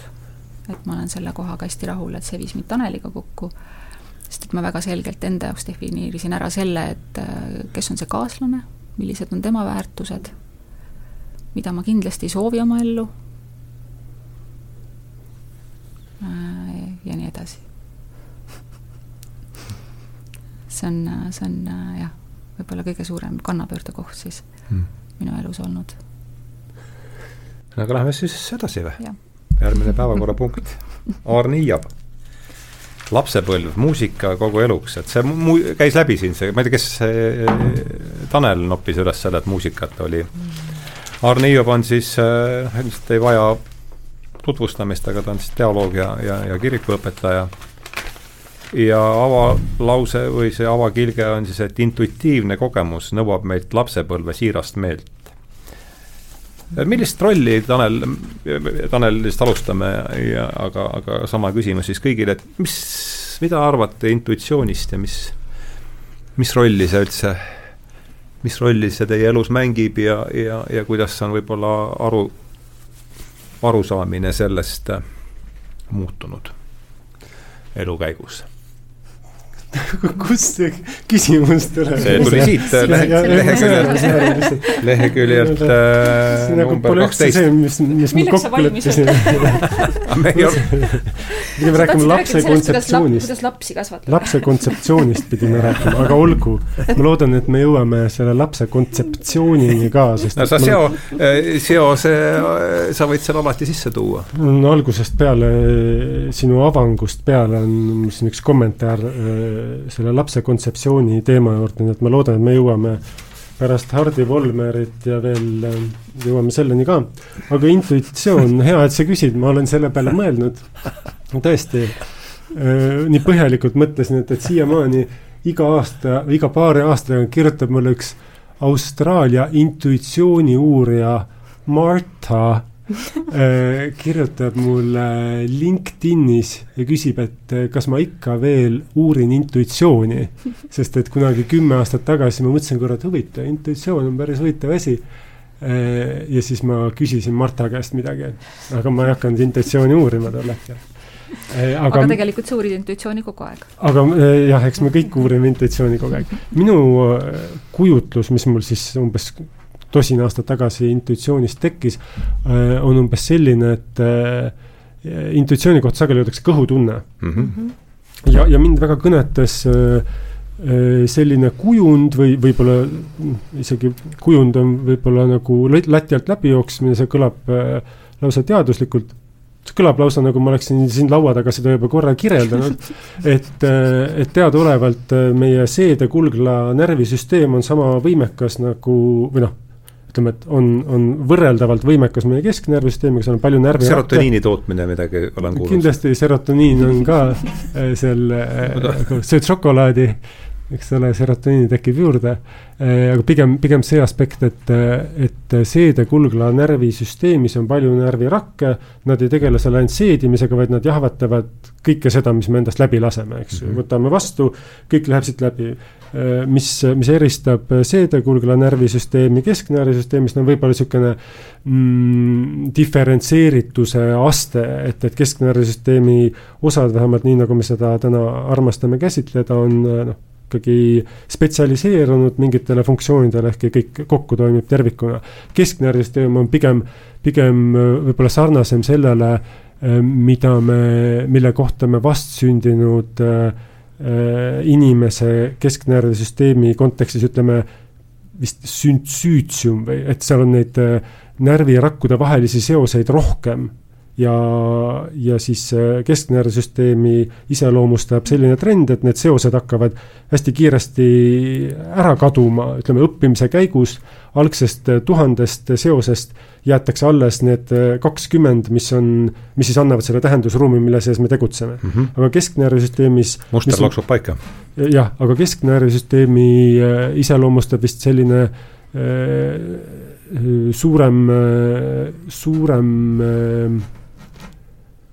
noh, siis kuidas nüüd seda öeldagi, et see, et see seoste hulk võib-olla ei, ei jää väga palju vähemaks, mis tähendab seda, et, et seal see protsessi, info protsessimine toimub kvalitatiivselt teistmoodi kui kesknärvisüsteemis. ja mina kujutan seda ette ikkagi niisuguse suure jahvatina, kust me laseme läbi kogu selle kraami, mis elu meile annab ja siis see settib mingisuguse teadmisena noh, mingisuguse kogemusena mm, -hmm. mingisuguse templaadina meid ümbritsevast maailmast, mis meist pidevalt läbi kihutab, eks ju, nelikümmend tuhat kilomeetrit sekundis. ja, ja see ei lähe tühja, vaid et mingisugune pilt sellest tekib, mingisugune mudel tekib meie seedekulgla närvisüsteemi. ja, ja mõnel õnnelikul hetkel, kui me ei ole selleks eraldi treeninud, aga neid õnnelikku hetk, õnnelikke hetki võib olla rohkem, kui selleks eraldi ennast treenida, on võimalik sellesse äh, kogemuste ähm, templaati äh, nii-öelda sisse torgata näpp ja sealt siis sellele oma päringule mingisugune vastus saada ja selle kohta me võime öelda kõhutunne, et ma ei tea, mhm. miks, aga tunne on, et, et see inimene mm -hmm. on, on hea inimene mm. -hmm. ja et, et teine inimene äh, noh, kas siis üleüldiselt või mulle isiklikult ei sobi. millegi, millegi põhjal see tunne tuleb, eks ju, kindlasti neid tegureid on rohkemgi, aga üks tegur võib olla see, et oleme ju näinud elu jooksul ikkagi kümneid inimesi, kui mitte, kui mitte tuhandeid ja mingi tunne on tekkinud, kuhugile salvestunud, kindlasti on kesknärvisüsteemil oma osa, aga miks mitte kõhu seedekulgla närvisüsteemil ka, nii et, et minu arusaam, mind on kõnetanud selline, selline äh, kirjeldus intuitsiooni, ütleme selle mehaanika äh, selgitamiseks, et see, see nagu on, on minu jaoks olnud hea, äh, hea kirjeldus, et, et kuidas see nii-öelda kõhutunne toimida võiks. ja siis, kui me see, pannes seda sellesse konteksti, millest me täna püüame rääkida, siis äh, noh, eks need äh, rahumasinad jällegi äh, elavad selle templaadiga, mis me neile noh, lapsed siis, mis me neile täiskasvanutena loome ja anname, et need äh, noh, võib-olla ma olen aru saanud, et, et kuidagi on muutunud selliseks kitšilikuks rääkida, et kõik, kõik teemad, mis meil on, tulevad lapsepõlvest, aga noh, vast ikka osaliselt tulevad et, et see maailm, mis me lastele, kes, keskkond, mis me lastele pakume, et, et küllap see ikkagi midagi äh, teeb sellega, kuidas nad ülejäänud elu oma end ümbritsevat kogevad ja mõtestavad ja jälle üha ja uuesti, uuesti läbi lasevad ja, ja seeläbi ka, ka loovad äh, enda sise- ja, ja välismaailma. mul on äh enne kui ma intuitsiooni juurde lähen, mul, kui ma seda Arne Hiobi artiklit mm. vaatan, siis mul tuleb meelde äh, see, ma ühesõnaga, ma tahan ühe loo rääkida yeah. ja see lugu on see, et äh, kui me läksime Enliliga koos äh, Arne meie Hiobit, meie fotograafiga, meie fotograafiga koos läksime Arne Hiobit pildistama, et siis siia artikli juurde saada foto. ja olime kokku leppinud, et saame kokku Jaani kirikus, kus Arne Hiob teenib ja ja läksimegi kirikusse, noh, kirik oli tühi keset päeva, äh, ja siis mõtlesime, et kus võiks, kus oleks kõige parem koht äh, selle pildi tegemiseks. ja siis me käisime, me käisime keldris, ruumides äh, ja noh, erinevat, no ühesõnaga erinevates ruumides kirikus ja kuskil ei tekkinud päris sellist tunnet, et vot see on nüüd hea koht. ja siis me tulime õhtult tagasi juba sinna saali ja siis Aarne Hiiop äkki ütles, et aga me võime klaveri taga ka teha.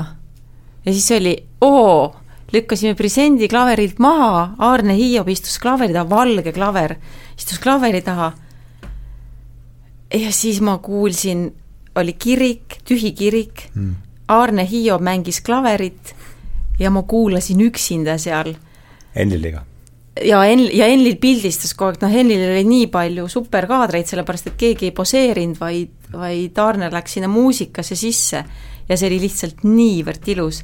ja minu jaoks oli see väga kihvt üllatuse koht, et et võib-olla on siin ka intuitsiooniga midagi pistmist, et kuidagi ei tulnud see tunne taha nendes teistes ruumides, et siin peaks fotografeerima. ja siis äkki see klaver ja, ja väga uhke kontsert oli. Mida ta mängis, sa mäletad ka või? oih, ei mäleta. džässi või? ta mängis džässi mm -hmm. ja, ja siis ma saingi aru, et ta tegelikult on õppinud muusikat ja, ja on ta kaalus nii palju, kui kusagil ta kirjutas, et ta kaalus ikkagi professionaalse muusiku karjääri vist mm. -hmm. võib-olla ma eksin, aga kuidagi nii, no tõsine, tegeles tõsiselt muusikaga. jaa, et see oli, see oli väga vahva. ja noh, intuitsiooniga jah, ma olen väga mitu korda või palju kordi elus kogenud seda, et et on mingid otsused, mis sa teed äh,, või mingid sammud, mis sa astud ja sa ei tea sel hetkel päriselt, et miks sa seda teed või et, et kust see valik äh, nüüd selline tuleb. aga no ongi, et mingi asi ütleb, et kas see on kõhutunne või, või tagumikutunne või mingi asi nagu ütleb, et, et nii tuleb teha. Ja pärast äh, kuidagi jooksevad need pusletükikesed kokku ja siis saad aru, et jaa, et okei okay,, et see oligi õige. aga ütleme, mulle meeldib mõelda tegelikult niimoodi, et noh, see vist läheb Jungi psühholoogiaga ka kokku, et meil on, et meil on nähtav maailm ja nähtamatu maailm. ja, ja nähtamatus maailmas on meil, meiega ka väga tugevad sidemed. Siis kes iganes, kas, kas seal on kes või mis, aga ühesõnaga meil on tugevad sidemed, mis, mis meid juhivad ja see on võib-olla seesama intuitsioon või see, see, see, need on need sidemed, mis panevad meid intuitiivselt käituma. ja mis on ka viimaste aastatega selgeks saanud, et see intuitsioon äh,, intuitsioon ja enesekindlus on omavahel väga tugevas seoses. Et äh, mida enesekindlam sa oled, seda, seda, seda issand, ma ei teagi, kudapidi see nüüd on. ühesõnaga, ma jooksen natukene, natukene siin võib-olla sikasakka risti-rästi, aga ühesõnaga kolm olulist punkti on enesekindlus, intuitsioon ja see enesekindlus, mis tuleb sellest, et ma olen päriselt mina või ma olen nagu kooskõlas siis selle oma sisemaailmaga mm. -hmm. et ma ei mängi mingit teist mängu, sest sellis-, kui, kui need asjad omavahel töötavad, siis intuitsioon saab sellest tuge juurde ja seda mm -hmm. tugevamaks muutub intuitsioon mm.. mul tuli meelde, see on meile, ma tean, et see on meile Kaiega mõlemale olnud oluline ja kuidagi haakub, ma mõtlesin, et sa lähed ise sinna, aga et loen ette siit lõigu üheksanda lehe intervjuust Richard Tarnasega, kes on me väga, kui me nüüd räägime uuest loost, et siis tema on selle vahetamisel olnud väga-väga oluline ja mul on erakordselt hea meel, et see suur tellis mm -hmm. Õhtumaa vaimupassioon on nüüd äh, siis juba kuu aega eesti keeles olemas ja ja ma tegin Richard Tarnasega üheksanda äh, see leht intervjuu ja ma selle intuitsiooni koha pealt mulle see lihtsalt, ma tean, et see on meile mõlemale oluline olnud ja, ja nii Kaie kui mina oleme seda siin tsiteerinud, mitte aga et võtame näiteks süvapsühholoogia, eriti selle osa, mis puudutab arenguid Freudist Jungini mm. -hmm. Freudi puhul jääb tihti mulje peaaegu, peaaegu hüdraulilisest põhjulik, põhjuslikkusest. instinktide surve ja minevikust pärit traumad põhjustavad meie praegusi meeleseisundeid, mis mõjutavad omakorda meie tulevikku suunatud tänast tegevust noh, kõlab usutavalt, eks. Need seosed on võrdlemisi lineaarsed ja rõhutavad eelkõige toimivat põhjust, ta räägib siis Aristotelese kolmest põhjus, kolmest põhjuse, põhju-, neljast põhjusest. Jung väitis aga seevastu, et meis kõigis on midagi, mis tõmbab meid enda poole. seesama tõmme selgitab Jungi sõnul paljusid meie psüühias toimuvaid protsesse, mida ei saa tema arvates kunagi selgitada üksnes instinktide, mälestuste ja traumade tagant lükkava jõuga. Ja nüüd see on see koht, mida me oleme siis lühidalt või see, kuhu ma tahtsin jõuda, et Jungi arvates on meis, on meis kõigis peidus meie tuleviku -hmm. mina mis otsib võimalust ellu ärgata ning mis tõmbab enda poole inimesi, sündmusi ja raamatuid, mis teda selles aitavad Neid Jungi mõtteid väljendab ilmekalt Friedrich Nietzsche maksiim, saa selleks, kes sa oled. ja kui nüüd noh, see ei ole nüüd päris küll see, mida me intuitsiooni all võib-olla tingimata mõistame, aga, aga see natuke haakus minu meelest sellega, millest rääkis Tanel. mul tuleb pilt siis täna üks niisugune mälestuspilt eh, möödunud suvest, oli mingi august, eh, see võis olla, ma arvan, et see oli üheksateist august. me olime Audrus ja ja seal oli toimunud mingi, ühesõnaga noh, minu futuurid ei olnud äh, kõige kõrgemal see sel hetkel kauplemist ei olnud peatatud, aga aga futuurid olid madalas seisus ja siis oli niisugune pilt, et äh, Audrus siis suur maja, või no kõige suur, äh, kõik tuled põlesid ja mina otsisin sealt sees siis telefoni ja kus telefon oli väljas ja ja päädi pealt oli ta veel pandud, see otsingurežiim piiratud, et maja väljast võis seda Kaia rääkis pärast, kuidas see väljast paistis, et maja, maja on üleni tuledes ja telefon lõugab siis selle otsimisrežiimi peal seal väljas la, laua peal. ja noh, see on see, kuidas ma reageerin siiani asjade kadumisele. nii kui midagi on kadunud, esimene, esimene vaike säte on kohe täielik paanika ma olen õppinud sellega hakkama saama, aga vaike säte on see, et kõik see on nüüd kadunud, äh, on tulnud tulnukad, on pastaka ära viinud, arvuti, läpp, sokid, võtmed, no mis vaid. Ja noh, see on selgelt, et see tulnud samast lapsepõlvest, see, kuidas seal reageeriti nendele asjadele ja ja no vot, niisugune, sellega me siin siis, sellega me siis siin tegeleme mm. -hmm. jah, üks asi on lapsepõlvest, noh et see Freud läheb sünnihetkeni ja, ja Jung seal läheb sealt sünnihetkest veel tagasi yeah.. et, ähm, et selle teooria järgi ju ka need meie vanemate, meie vanemate lapsepõlvest tuleb midagi kaasa ja, ja veel ja, vanem. see lugu ei alga meiega, see on ka väga palju aidanud. jah, et, et see lugu ei alga meiega ja meie lapsepõlvega, et, et transpersonaalse tulevad... psühholoogia põhisõnum sisuliselt. ja ma, ma ei tea, kas ma löön su päevakavas asja. ei, no ta ei ole midagi ju siin mul lihtsalt on praegu sellesse kohta mulle midagi, mis... lihtsalt tundub, et sobiks see koht, mis mind liigutas ma tegin sellesse, meil on niimoodi, et iga hooaja lõpus teen siis mina selle intervjuu ja kirjutan juhtkirja, et muidu tavaliselt meil kõik lehed on ikkagi põhil, Ardo kirjutab intervjuud kokku ja isegi kui me kahekesi osaleme seal, ja siis Ardo kirjutab juhtkirjad. ja, ja selle lehega oli üldse tükk aega niimoodi, et et oli erinevaid mõtteid, et kellega üldse, et ke-, kellega üldse vestelda sellel teemal ja ei olnud ühtegi sellist mõtet, mis oleks kohe kuidagi nagu haakunud lõpuni ära. et noh, lapsepõlvest, enda lapsepõlvest ja, ja laste kasvatamisest ja siis kasvatusteadlastega, et noh, kõigiga võib, neid on väga palju, kellega võiks rääkida. ja siis elu viis ootamatult kokku mind Tiiu Mäkiga, kes on kakskümmend kaheksa aastat või? kakskümmend kaheksa, kaheksa aastat on teinud Laulasmaal kuti-muti noortelaagrit ja siis ma sain äkki aru, et, et inimene, kes on ka järjepidevalt aastate jooksul näinud teist, teiste kodude lapsi ja, ja pakkunud neile suveks midagi sellist, kust nagu lapsed saavad vau-elamuse, et vot see on see inimene, kellega ma tahan rääkida. aga mis mulle selle tema intervjuu juures, mis mulle läks tohutult äh, südamesse, oli koht, kus ta temal ka vanaisa küüditati. ja kui vanaisa tuli tagasi mm, äh, siis ta oli Rakverest pärit ja, ja vanaisa tuli siis, äh, tuli Siberist tagasi ja vanaisa tuli äh, Rakverre nende juurde. ja nüüd ma loen siit maha selle. ja siis ta räägib, et emale, ema töötas tal lasteaias. emale oli antud käsk, et ta peab lastega paraadile minema see oli ilmselt oktoobriparaad, sest lund sadas.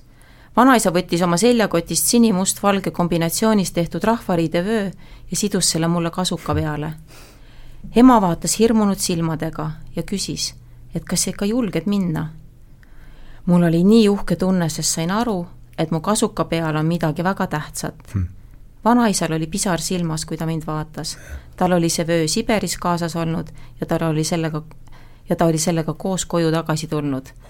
et see on, mul praegu ka lähevad silmad märjaks, kui ma seda loen ja kui Tiiu seda rääkis, siis ma kuidagi tundsin läbi oma ihunaha seda, kui palju äh, on mõjutanud meid tegelikult kogu see noh, vanemate, vanemate lapsepõlv või see vanemate aeg, sõda, äh, küüditamine ja kõik see, no oma vanaisa küüditati ka ära, ilmselt sellepärast jälle minul resoneerus see lugu kuidagi.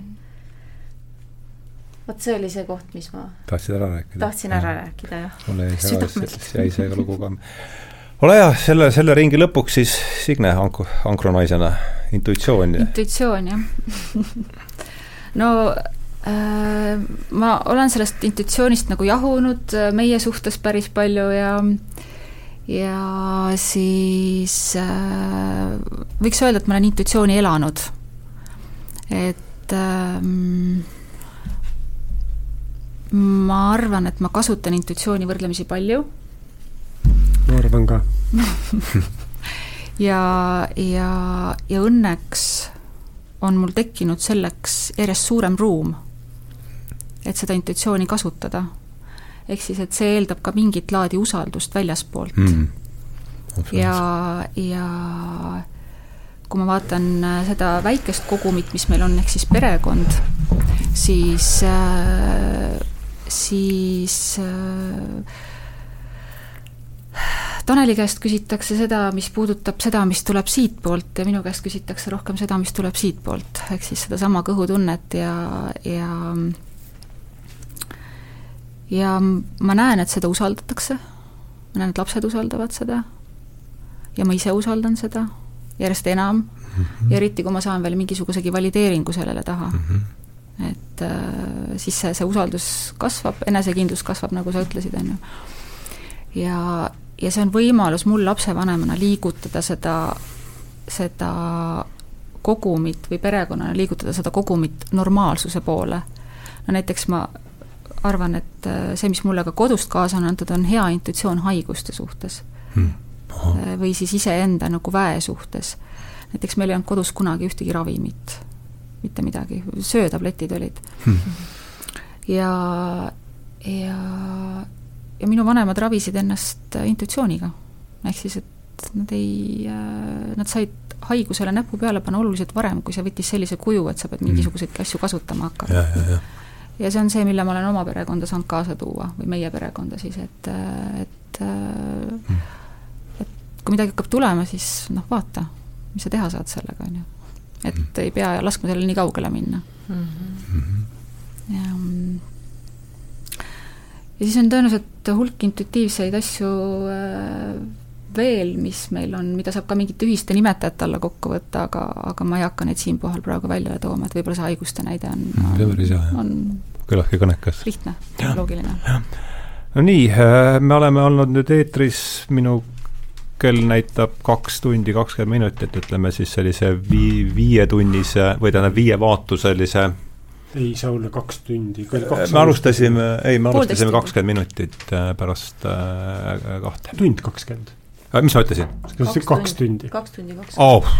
see on ilmselgelt jama tund kakskümmend, jah, muidugi. nii et viietunnis või tähendab, viievaatuselise draama mõõtkavas oleme me siis kusagil kolmanda vaatuse lõpupoole ja ja nagu on öelnud su vene näitekirjanik Anton Tšehhov, et kui lapse kontseptsioon on kolmandas vaatuses seinal, siis ta viiendas teeb ka, teeb ka paugu, nii et me jõuame, jõuame sinna, jõuame sinna, aga enne on vaja veel neljas vaatus meil ära sisestada, sisendada, sisustada.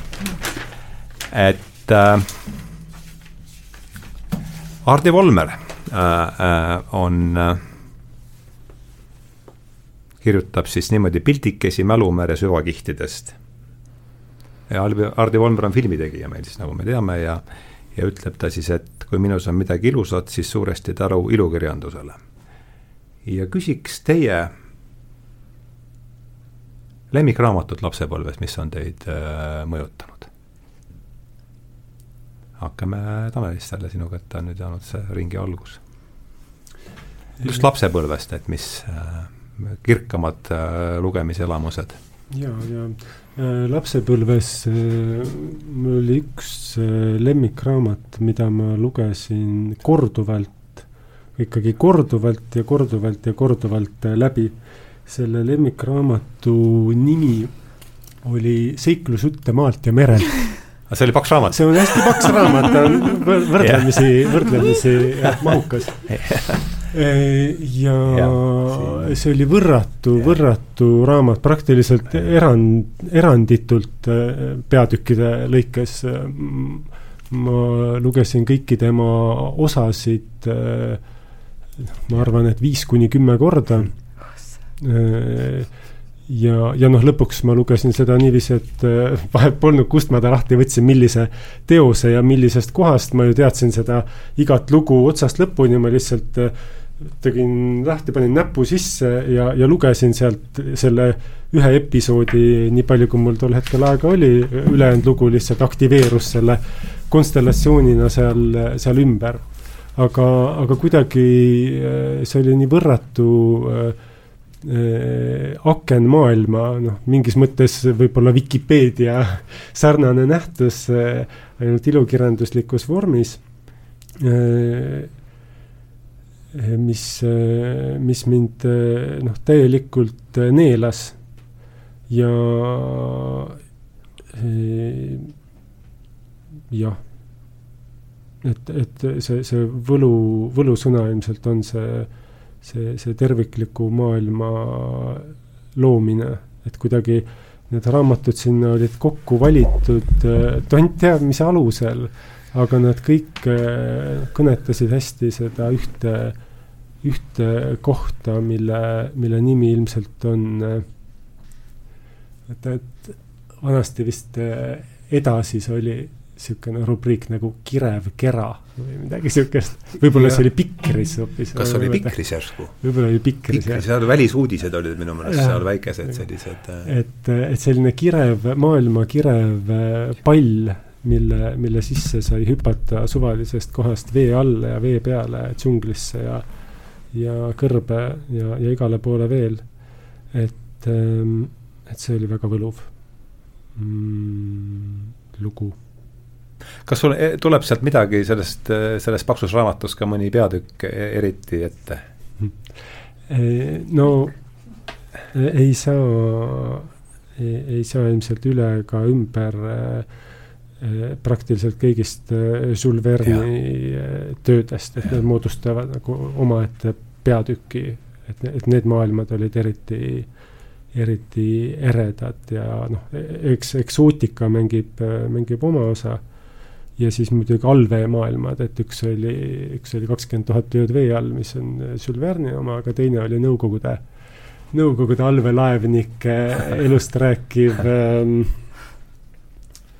ähm, kahe ook-, kolme või kahe ookeani saladus, ma ei mäleta seda autorit, aga see oli väga kange, kangelaslik äh, oma aja, oma aja üldse mitte mõõdukas kastmes äh, aga, aga samas see, mis puudutas nagu seiklust ja, ja maailma nende osade nägemist, mis on silmale selles mõttes nähtamatud, et nad on sügaval-sügaval vee all. et see oli, see oli väga, väga paeluv. ja, ja ma ikka siiamaani kõige rohkem imestan selle üle, et, et ma suutsin need kolme musketäri kõik viis köidet samamoodi korduvalt läbi lugeda, mis on absurd. Wow.. see, see lihtsalt ei ole kuskilt otsast äh, realistlik. sa oled ikka kiire lugeja, kiire lugeja üldiselt, jah? võimalik, ma ei lugenud, ma lihtsalt äh, lülitasin sinna kanalile. Ei tea, aga huvitav. võib-olla sa panid lihtsalt padja alla need ma kujutan ette, kui hakkaks praegu ikkagi äärest minema, ega vist ja oleks aega, ilmselt läheks samamoodi niimoodi, et ma ei usu, et seda paneks isegi, oled sa proovinud praegu lugeda Dümaad näiteks?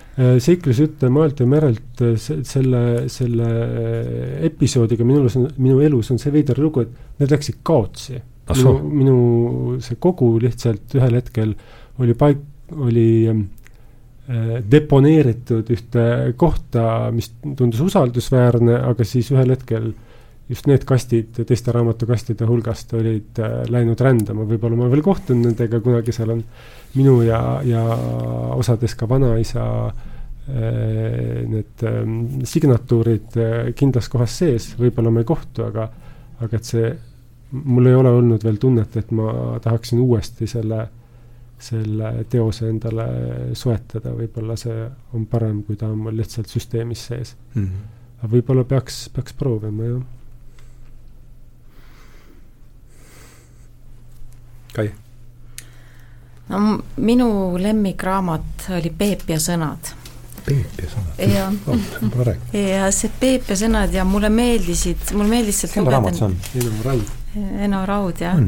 ja mulle meeldisid need, need esiteks need pildid, mis sinna olid juurde joonistatud, need olid väga humoorikad, aga aga just need, mis need siis on, mõistukõned et äh, kui sa sööd tooreid tikreid, siis vanaisa teeb triibulised püksid või noh, ja siis kuidas ta siis, Peep kujutab ette, kuidas ta nende uhkete triibuliste pükstega ringi käib ja ja ja see on ju imeõhukene, aga mulle teda meeldis ikka lugeda ka korduvalt, aga ma sain selle rutem läbi kui kui sina oma raamatut.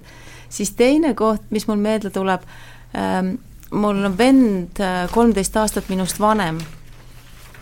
Ja siis need raamatud, äh, mis ilmusid minu arust seal äh, enne minu sündi, mm, no ikkagi seal viiekümnendatel ja need olid nii ilusalt, nii kaunilt illustreeritud, et ma ütleks, et palju ilusamad või mulle mõjusid nad palju rohkem kui need Nõukogude aja lasteraamatud ja ma mäletan Pöialisi mm. raamatut. Siimas Kopp minu mm. meelest. Siimas Kopp imeilusate piltidega ja, ja ja ma mäletan, ma neid no ütleme, nagu vennale toodud lasteraamatuid meeldis mul rohkem äh, vaadata ja lugeda kui, kui siis teisi.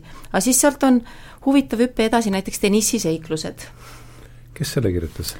ei mäleta praegu äh,, Nõukogude kirjanik. jah, kõlab küll sedamoodi ja see, midagi selles, äh, ka üks väike poiss, kellel olid seal äh, noh, paneelmaja väike poiss siis, kes, äh, kellel olid oma seiklused ja, ja miskipärast see mulle meeldis. ja siis järgmised hüpped on ka väga omapärased. aa, no sinna vahele tuli muidugi jälle Nõukogude ajal ju oli ka lastele see muinasjuturaamatute sari, mis olid niisugused õhukesed raamatud, iga, iga maa muinasjutud. kas Ahri muinasjutud ja mis seal olid kõik, eks ole. ja, ja noh, neid oli ikka poest saada, siis eh, nii kui ema uuega tuli jälle, siis eh, selle ma läbi lugesin. aga see hüpe oli sealt Denissi seiklustest oli mm, Kuritöö ja karistus. ahah, päris ja, ja siis Batu Khan ja Džingis Khan neid sa lugesid ka, jah? jaa, aga nendega, need tulid lihtsalt äh, mu tädi raamaturiiulist, sest ma ise elasin Audrus ja siis ma sain kooli vaheajaks äh, ühel hetkel, noh, ema-isa lubasid, ma sõi, võisin sõita rongiga Tallinnasse tädi juurde. ja tädi oli üksik proua ja tal oli väga ubane elutuba väikese raamaturiiuliga ja seal raamaturiiulis äh, olid kohe kaks äh, korralikku raamatut, Batukaan ja Džingiskaan mm Need on ka maalt ja merelt. sellest sarjast. sarjast. sul on loetud? seal on veel viimase mere poole on kolmas osa sellest, sellest Batu ja Džingi, Džingiskhaani triloogiast, jah. see on mul lugemata hmm.. selline valik. ja huvitav, kui Tanel rääkis sellest oma lemmikraamatust, mul tuli kohe Äh, no kusagilt, et viskas ala, alateadvuses pildi, kus ma lugesin Jules Verne'i saladuslikku saart, see just see hetk, kui ma, no mingi pilt, mingi pildi viskas sealt. aga no jälle siin võiks ka pikalt rääkida, aga ma mõtlen, et kui ma see nüüd otsustaksin selle järgi, et millise raamatu ma kõige kapsamaks lugesin mm, -hmm. siis selleks on ikkagi ilmselgelt Karlsson. Et see, et kuidas välja mõelda mingi tünder ja panna talle propeller tagumikku peale ja lasta tal, see on ikka, no see on ikkagi, no tehke, tehke järgi, et äh, ja see ja majasokk ja, ja see onu Julius ja kelle Karlsson lubab ju panna jooksma nagu kurda koer see tuleb paha aimamatult majasokule külla. leiab seal, et, et see jah, ütleme, et see oli tõesti täiesti kapsaks. Ja vot seda ma tõesti käisin niimoodi ikkagi üle ja üle ja üle hullu, ta mulle ikka hullult meeldis. Ja noh, Lindgren, Lindgren tervikuna. Ja mul tuleb meelde siin varase, hilisemast elust, kui ma veel SEB-s töötasin, ma tegin intervjuu äh, siis peamaja äh, peaökonomist, ei ta pea, ta oli majandus selle osakonna, analüüsiosakonna juhataja vist.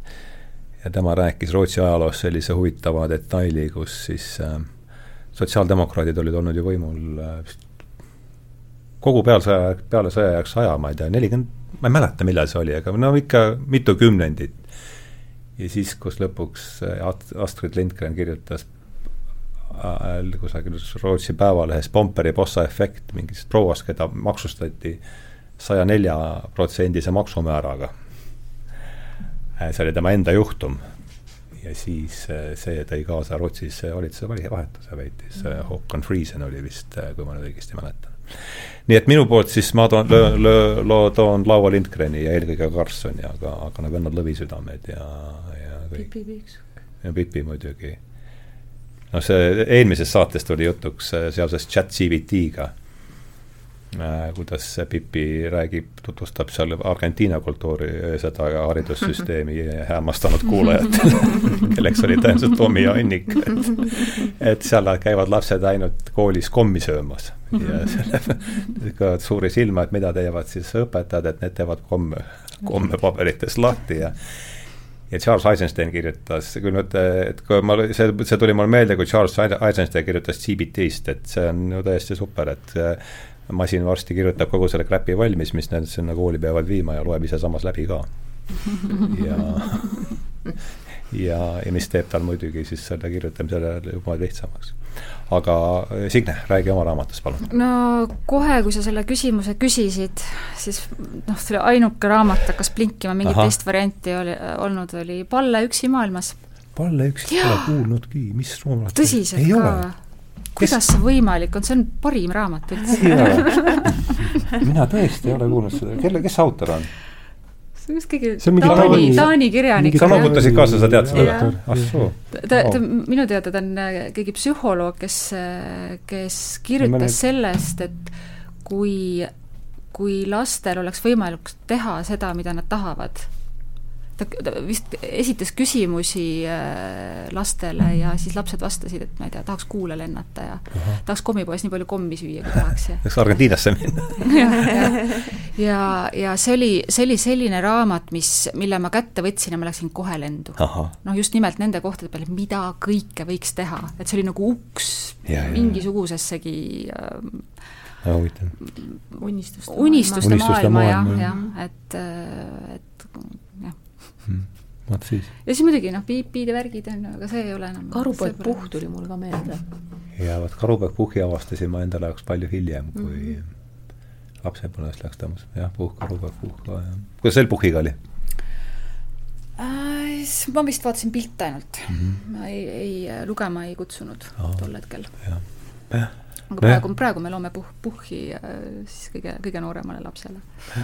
Nojah, ma, eks see on lihtsalt sellest, et äh, ilmselt on see vanusevahe meil ikkagi ka mõned, seal juba need, äh, mis, see ei pruuginud minu ajalise raamat isegi võib-olla olla. Palle raamat, see on kuuekümnendatel. on jah? ahah, okei okay., no siis ma ei saa selle taha kuidagi, ma mõtlesin, et järsku see on hiljem tulnud. see sul on võimalus seda lugeda. ma olen Rakverest, jah no ma olen Võrust okei, see ka jäi, see, see ka ei tööta siis. aga sul on nüüd võimalus lugeda. jah, mul on ka võimalus lugeda, jah, jah nii, ja me oleme siis, no meil on nüüd jäänud siin pool tundi ja me võime võtta siis siit veel nüüd äh, võtame siis siin äh,, oleme jõudnud lehe noorterubriiki. Paul Aleksander Külv, kes on kellest me alustasime? kelle, alustasime temast, Signest alustasime, aga ta käis läbi küll meil siit jah no., ma jah, ma tsiteerisin teda siit ja ta on ja. siis reaalkooli gümnasist ja, ja tema lugu kannab pealkirja Kuhu kaob lapsepõlv ja siis avalause või juht, juhtlause on see, et lapsepõlv ei kao tegelikult kuhugi. Et no nüüd hakkamegi, neljanda vaatuse lõpp. et hakkame jõudma põhiprobleemini, et Tanel, et kus, kus, mis on sinu jaoks lapsepõlve kõige, ja me siis sinust alustame, aga et meie kõigi jaoks, et sinu arvates lapsepõlve kõige kestvam mõju sulle?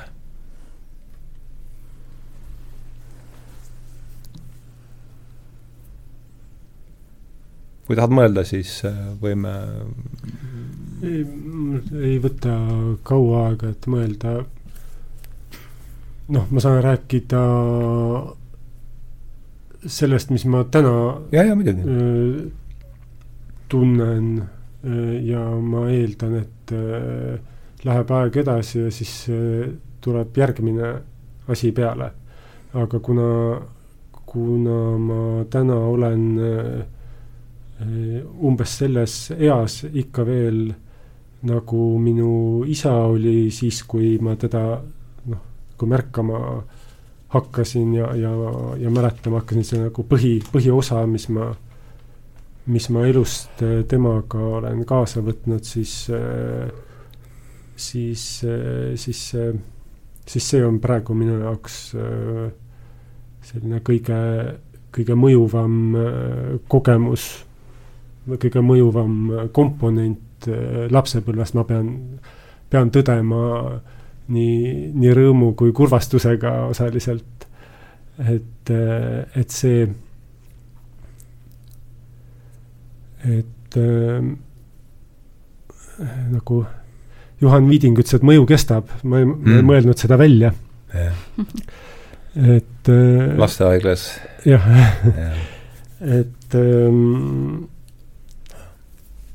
et, et suur tükk on, on äh, vaadata seda, et, et selline oluline inimene, et mis ma olen võtnud sellest, sellest suhtest enda ellu kaasa ja, ja mis on mõistlik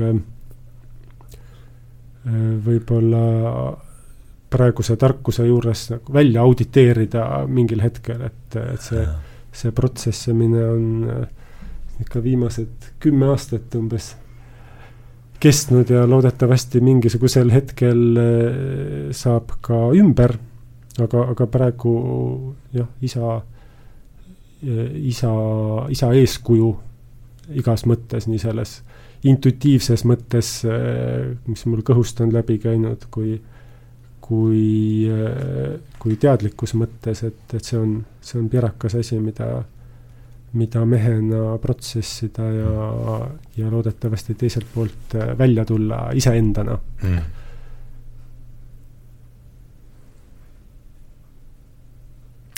Kaie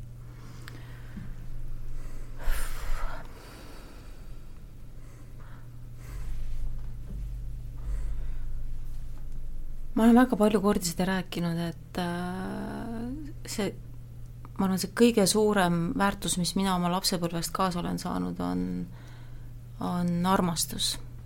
see vanemate armastus. ja, ja ma kirjutasin selles juhtkirjas ka, et, et ma olen proovinud oma lapsi kasvatada ka selles vaimus, et ma võimalikult palju lapsepõlves suudaksin anda neile noh, kaasa seda armastust, et ähm, et see laps on nagu niisugune taim, et kui sa lapsepõlvest saadik toidad teda, teda armastusega, siis ähm, sellest kasvab tugev puu, need oksad, võrad lähevad kõik laiali, et see distants lapse ja vanema vahel läheb küll kaugemaks, aga see armastusega toidetud ühendus et see on see, mis jääb alles. Mm.. ja see on, ja see on see, mis äh, ma usun äh,, paneb,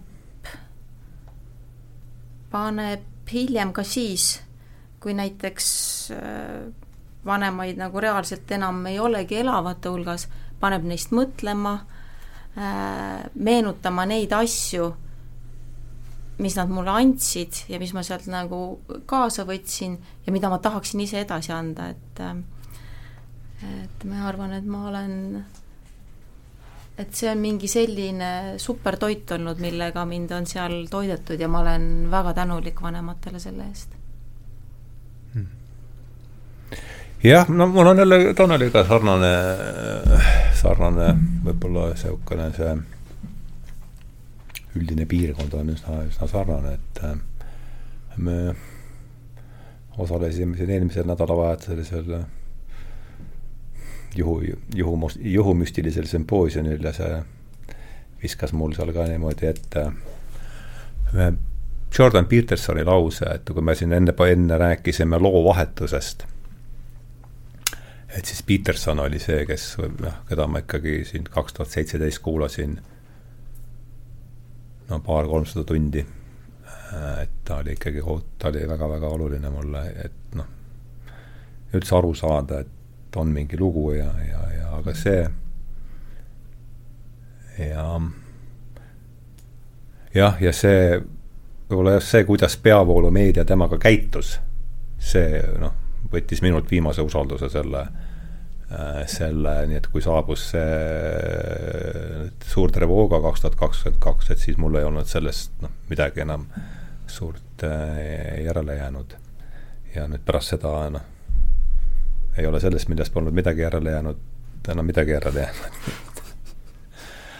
aga üks lause, mis ta ütles, on see, tead, the worst thing you can do is to trust, is to destroy somebody's trust in trust mm. -hmm et halvim, mida siis saad teha inimesel, on see, et hävitada tema usaldus, usalduse vastu mm. -hmm. ja noh, sellega on olnud siin kõvasti äh, sortimist. ja, ja, ja noh, mis on aidanud ikkagi ja nüüd ma vaatan sellele muidugi tänulikult, et see on viinud, pannud mind otsima, koputama ustele, millele ma ilmselt muidu ei oleks, ei oleks mhm. koputanud ja ja üks uks, millele ma olen koputanud päris hoolega viimasel ajal, on seesama transpersonaalne psühholoogia, mis siis ütleb seda, et noh, et et see lugu ei alanud, ei, ei ala ei, ei minust, ei minu isast ega minu vanaisast, vaid see läheb noh seitse põlve tagasi. Goes all the way down nagu, et mm., et, ähm, et see on see lugu nendest kilpkonnadest, et, et, et kus, mille peale see filmi viimane kilpkond siis äh, toetab, et et see on pannud mind otsima vastuseid mingit teatud küsimustele ja see on teinud must, lapsepõlv on teinud must äh, rikkama, rikkama inimese ja ma, et noh, veel kord, kõik algab lõpuks ikkagi tänulikkusest ja ja arusaamisest, et, et teatud hetkel nad et nad ei osanud teisiti teha, tegid seda, mis nad tegid, sellepärast et nad olid, ja noh, muidugi see, kui suurt, kui suurt äh, kui laastav on olnud ikkagi Teine maailmasõda siin ja nüüd, kus siis kolmas koputab siin vaikselt järjest tungivamalt uksele, noh. peab siis mõt-, peab, sundib mõtlema, et mis siis teha, kui mida selles olukorras teha ja, ja siin on mul kuidagi jäi meelde sel suvel kuuldud Kivisilniku lause, et inimeseks jäämine on tehniline, tehniline ala, et et, et see, sellega ma lõpetan oma sõna, ringi siin ja annan siis sõnajärje üle palun äh, Signele. et kõige, lapsepõlve kõige kaugeleulatuvam mõju sinu, kõige vormivam mõju sinu puhul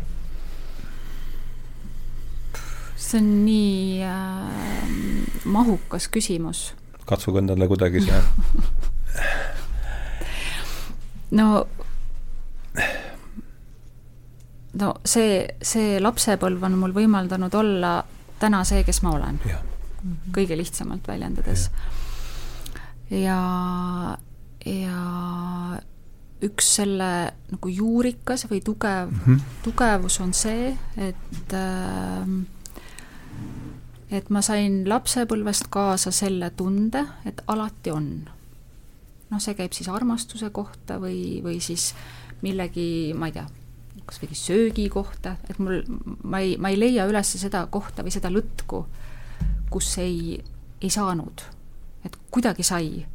ja see on hästi tugevalt mind kandnud, et see on loonud mingi sellise tunde, et kui, kui ütleme, asjad on mingilgi viisil selliselt, et nad on vastuvõetamatud, siis ma saan alati pöörata ette selle külje, et näha selle asja nagu positiivsust mm -hmm. või mhm. seda head mõju.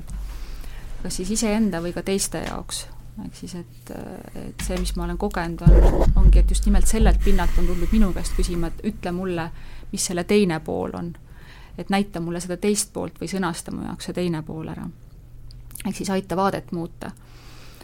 et äh, ja, ja selles on hästi palju seda sees, et, et mul on lastud olla iseenda väes, et, et seda vä-, väge ei ole väga palju nuditud mm. -hmm. Mm -hmm. et mul ei ole seda väge kuhugi purki topitud või et öeldud, et nii ei saa või nii ei tohi, et pigem, pigem on julgustatud ja, ja pigem on ka kaasa tehtud teatud asju, et siin, siin läheb ennekõike see, see tänu läheb minu esivanemate, ehk siis minu vanaema, vanaisa suunale, kes on olnud äh, lapselikult rõõmsad inimesed ja teinud kaasa asju, mis on hästi oluline. Mm. -hmm et on käinud, oleme käinud koos Raksus ja, ja, ja loopinud vanade majade aknaid puruks, et et selles, selles on nagu mingisugunegi ühendus või side ka nende põlvkondade vahel, mis mulle annab selle kinnituse, et see on hästi, mis ma tunnen, et kui ma tahan seda nüüd siit loopida, seda akent siit katki, et see on nagu normaalne tunne. Et ma loobin sinuga koos siis seda siin, on ju. et, et jah, sellega ma võib-olla piirdungi. Mm.. ma võin omalt poolt, kui Signe oleks toonud lauale oma, oma emapoolset vanaema, siis mul oli siin juba äh, Äh, päris meie vestluse algusest siia üles märgitud millegi peale, Kaie, mis sina ütlesid, äh, siis ma, ma märkisin üles, et, et Signe, Signe vanaema oli nii, nagu mina temast olen kuulnud ja osaliselt ka näinud, et ta ikkagi elas kuni, kuni äh, lõpuni, peaaegu lõpuni lapsepõlves, et tema lapsepõlv ei saanud kunagi läbi, sest et äh, sest et ta elas täiel rinnal äh, lastega koos, aga siis, kui, kui ta oli juba kõrges eas ja, ja me viisime oma, oma perekonna noori tema juurde, siis see oli see, mis, mis ta kõige erksamaks äh, tegi mm. -hmm. et, et ma olin, olin jälle... vanaema surivoodil niimoodi, et äh, kunas olid siis umbes äh,? me olime, olime neljanda lapse ootel siis hetkel, jah et Madli hakkas meil, hakkas mingi hetke pärast sündima. ja, ja siis äh, olin voodis, ta oli juba teadvuseta ja siis kõrvaltoas tuli laste hääl. Ja see, mis ta silmadega sel hetkel toimus, oli, ta oli, ta läks elama, ta läks elama niimoodi, hakkas otsima, et kus saab seda, kus seda last saab või kus, kus seda kontakti saab. ja siis vajus ära. Päris kõnekas lugu. nii, aga järele on nüüd jäänud veerand tundi, kui sedagi, ja käes on viies vaatus ja Tanel, ole hea. püss laual. püss, räägi, räägi, räägime siis viimases vaatuses sellest, võtame kokkuvõtvad märkused, mis, mida pole märkinud, märganud küsida või et, et jah, kokkuvõttev, kokkuvõttev ring, et ole hea, alustame sinust, Tanel ja kokkuvõtteks ma tahan minna tagasi ähm, sellesse hetke, äh, kus äh, me siin vestlust alustasime ja kui sa, Hardo, ütlesid, et äh, me võime salvestusest järele kuulata täpselt, kas sa ütlesid, et meie kohta Signega, et, et te harite oma lapsi ise, pannud tähele, kas sa ütlesid selle oma sõna sinna ka, aga aga kui sa ei öelnud seda välja, siis sa võib-olla mõtlesid seda, et ja, ja siin on nagu mitu asja, mis on ikkagi valesti. kriipisid, kriipisid. mis on, mis on valesti, et ähm, ja mida sooviks korrigeerida. et üks on see, et, et äh, jällegi võib-olla teen sulle liiga, et see oli ainult su peas ja sa ei öelnud seda välja, aga et äh, me ei oma oma lapsi, kui me räägime nüüd lapse kontseptsioonist, milleks me tulime siia mitu kuud valmistusime selleks, eks ju, et rääkida lapse kontseptsioonist, siis, siis me ei oma oma lapsi. Vähemalt mina olen mingil intuitiivsel põhjusel viimased paar aastat ennast oma perekonnast rääkides jõuga häälestanud ümber ütlema, et meie peres kasvab viis tütart selle koha peal, kus, kus harjumus oleks öelda, et mul on viis tütart. sest et, et tundub õige öelda, et, et nad, et me kuulume küll kokku ühte, ühte gruppi, aga et kuidagi noh, võib-olla see on natuke selline poliitkorrektsus ena poliitkorrektsusena käsitletav, siseringi poliitkorrektsusena. aga, aga mulle tundub kuidagi õige öelda, et seda, seda kooslust kirjeldada sõnadega, mis ei, ei hõlma seda omamist ja hierarhilisi suhteid. ja teine osa sellest äh, lühikesest lausest äh,, mis oli ka vale äh, oli see, et, et, et me ei hari oma lapsi mm.. et kui üldse keegi harib, siis, siis nemad võib-olla meid või nagu elu ja maailm meid harib. Signe, sa võid mind parandada, see on jälle minu tunne. Äh, aga, aga tõsi on see, et, et, et osad meie perenoortest on, on, on olnud ja on, on jätkuvalt äh, haridussüsteemi vaates kodus, koduõppel äh, või vabaõppel. Äh, teised äh, on, äh, on olnud erinevates, erineval määral, erineval moel haridusinstitutsioonidega seotud, aga, aga, aga need sõnad nagu laste kasvatamine, õpetamine ja, ja harimine selliste põllumajanduslike väljenditena on kuidagi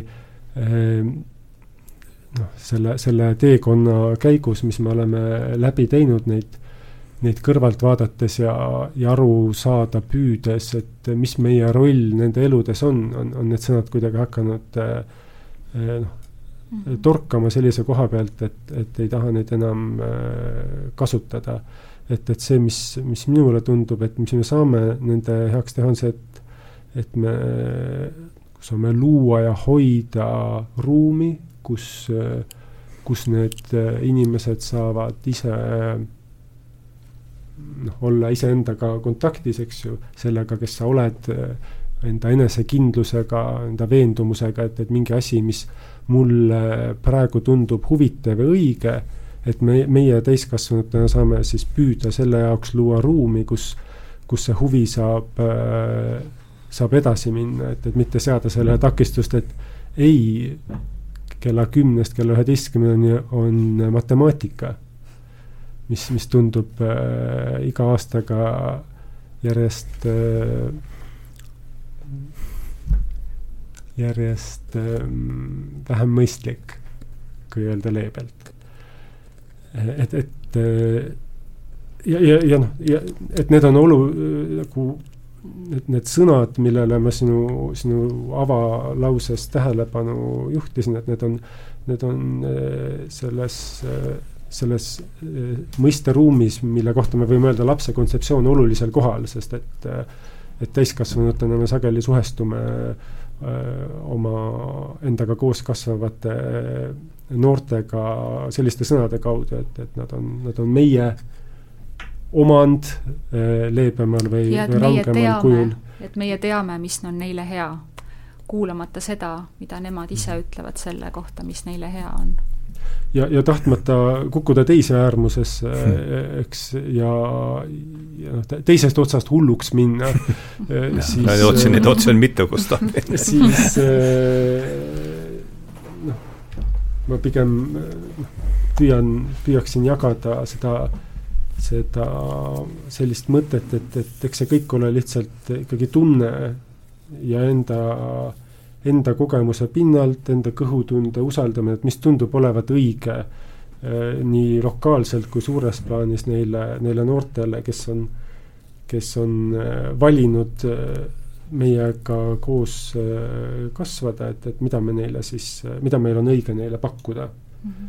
ja siis oma sisetunde usaldamine ja, ja lootmine ja palvetamine, et, et ehk äh, sünnib sellest rohkem head kui kahju.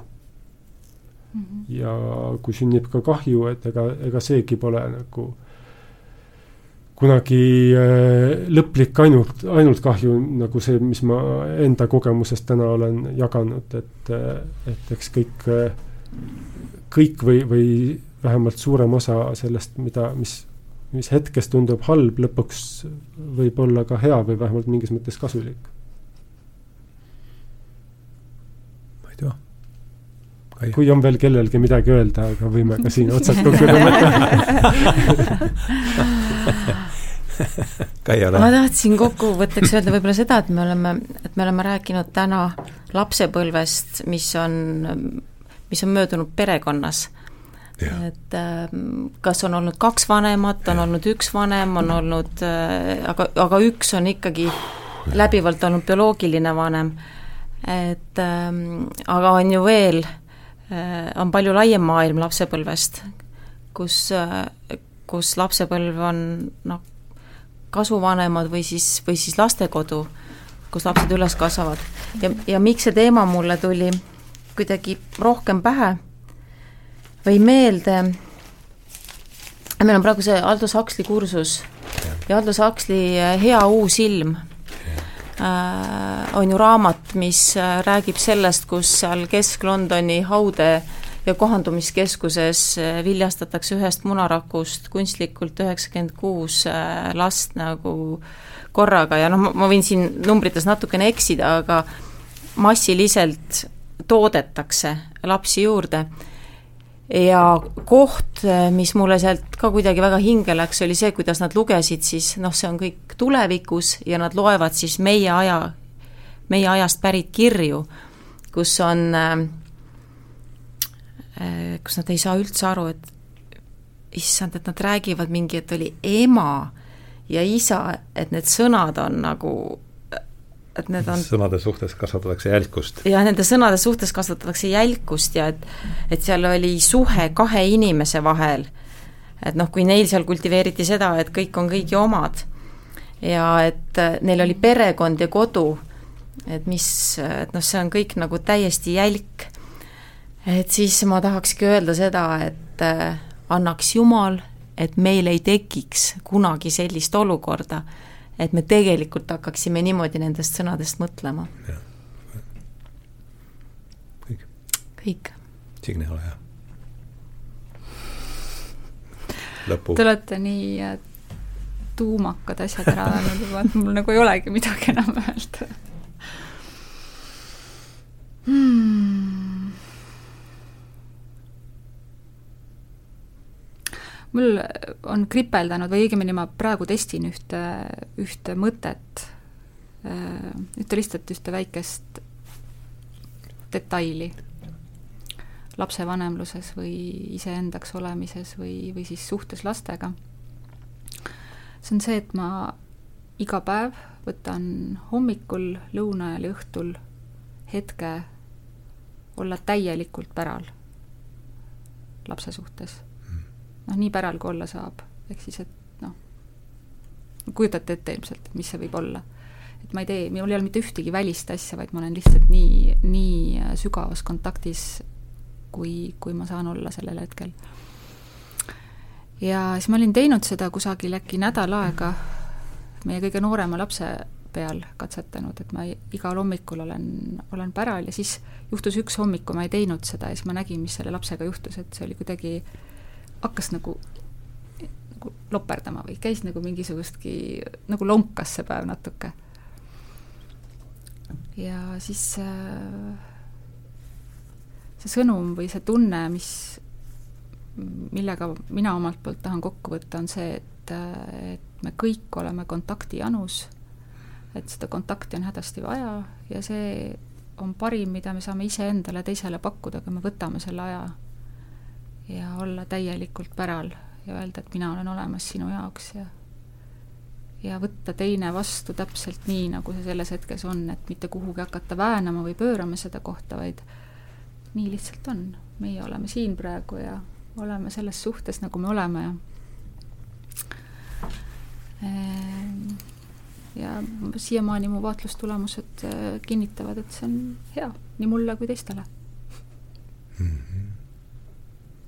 Jah, kontakti jänus ja tuled, ma tahtsin vist järele vaadata, et, et mis see Loomingu raamatukogus on ilmunud, kas ta oli vist Stig Dagermann, Saksamaa sügis, see noor Rootsi, täiesti, täiesti vapustav raamat minu meelest, üks noor ta on ajakirjanik kolme, ta on vist kolmekümnene siis, kui ta läheb Saksamaa sügis, siis kirjutab seda, kuidas Saksa, mis elu Saksamaal neljakümne viienda aasta talvel, sügis, Saksa sügis, sügis lihtsalt Saksamaa sügis ja see, kuidas inimesed tulevad varemete hunnikutest välja ja, ja tegi enesetapu ka kusagil seal ma ei tea, kas ta neljakümne aastaks elas ja ja tema lause, mis on mulle äh, kuidagi sööbinud psüühiasse, on see, et meie vaja, mis haakub sellega, mis sa siin ütlesid, et meie vajadus lohutuse järele on lõpmatu.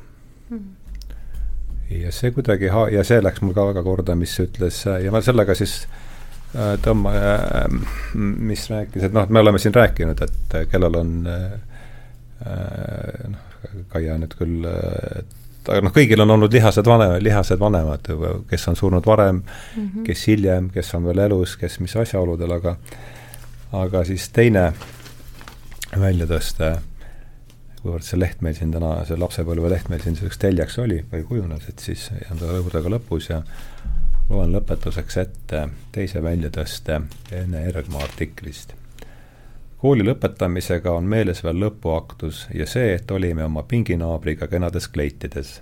kuid meie klassikaaslaste seas oli palju tüdrukuid ka Viiratsi lastekodust. Nemad olid veel, nemad olid veel möödunud suure sõja ohvrid, sest isegi sõja lõppemine ei lõpeta inimeste kannatusi. Kõik need tüdrukud kandsid ühesuguseid kleite. me ei tundnud ennast nende taustal mitte kõige paremini, sest eks igaüks nendest tüdrukutest oleks tahtnud, et ka neil oleksid erilised kleidid. et selle, on that cheerful note nagu öeldakse, et aitäh. aitäh, aitäh, aitäh äh, Signe Mällo, aitäh Tanel Mällo, aitäh Kaie Metsla, et tulite saatesse äh,. mina ei ole küll ekspert, aga minul oli teiega väga huvitav äh, vestelda. ja tänan teid veel kord, tänan kõiki, kes on teinud selle saate võimalikuks, tänan te kõiki, kes meid kuulavad ja tõmbame siis joone alla ja lähme lahku veel suuremate sõpradena, kui me enne olimegi. aitäh! aitäh!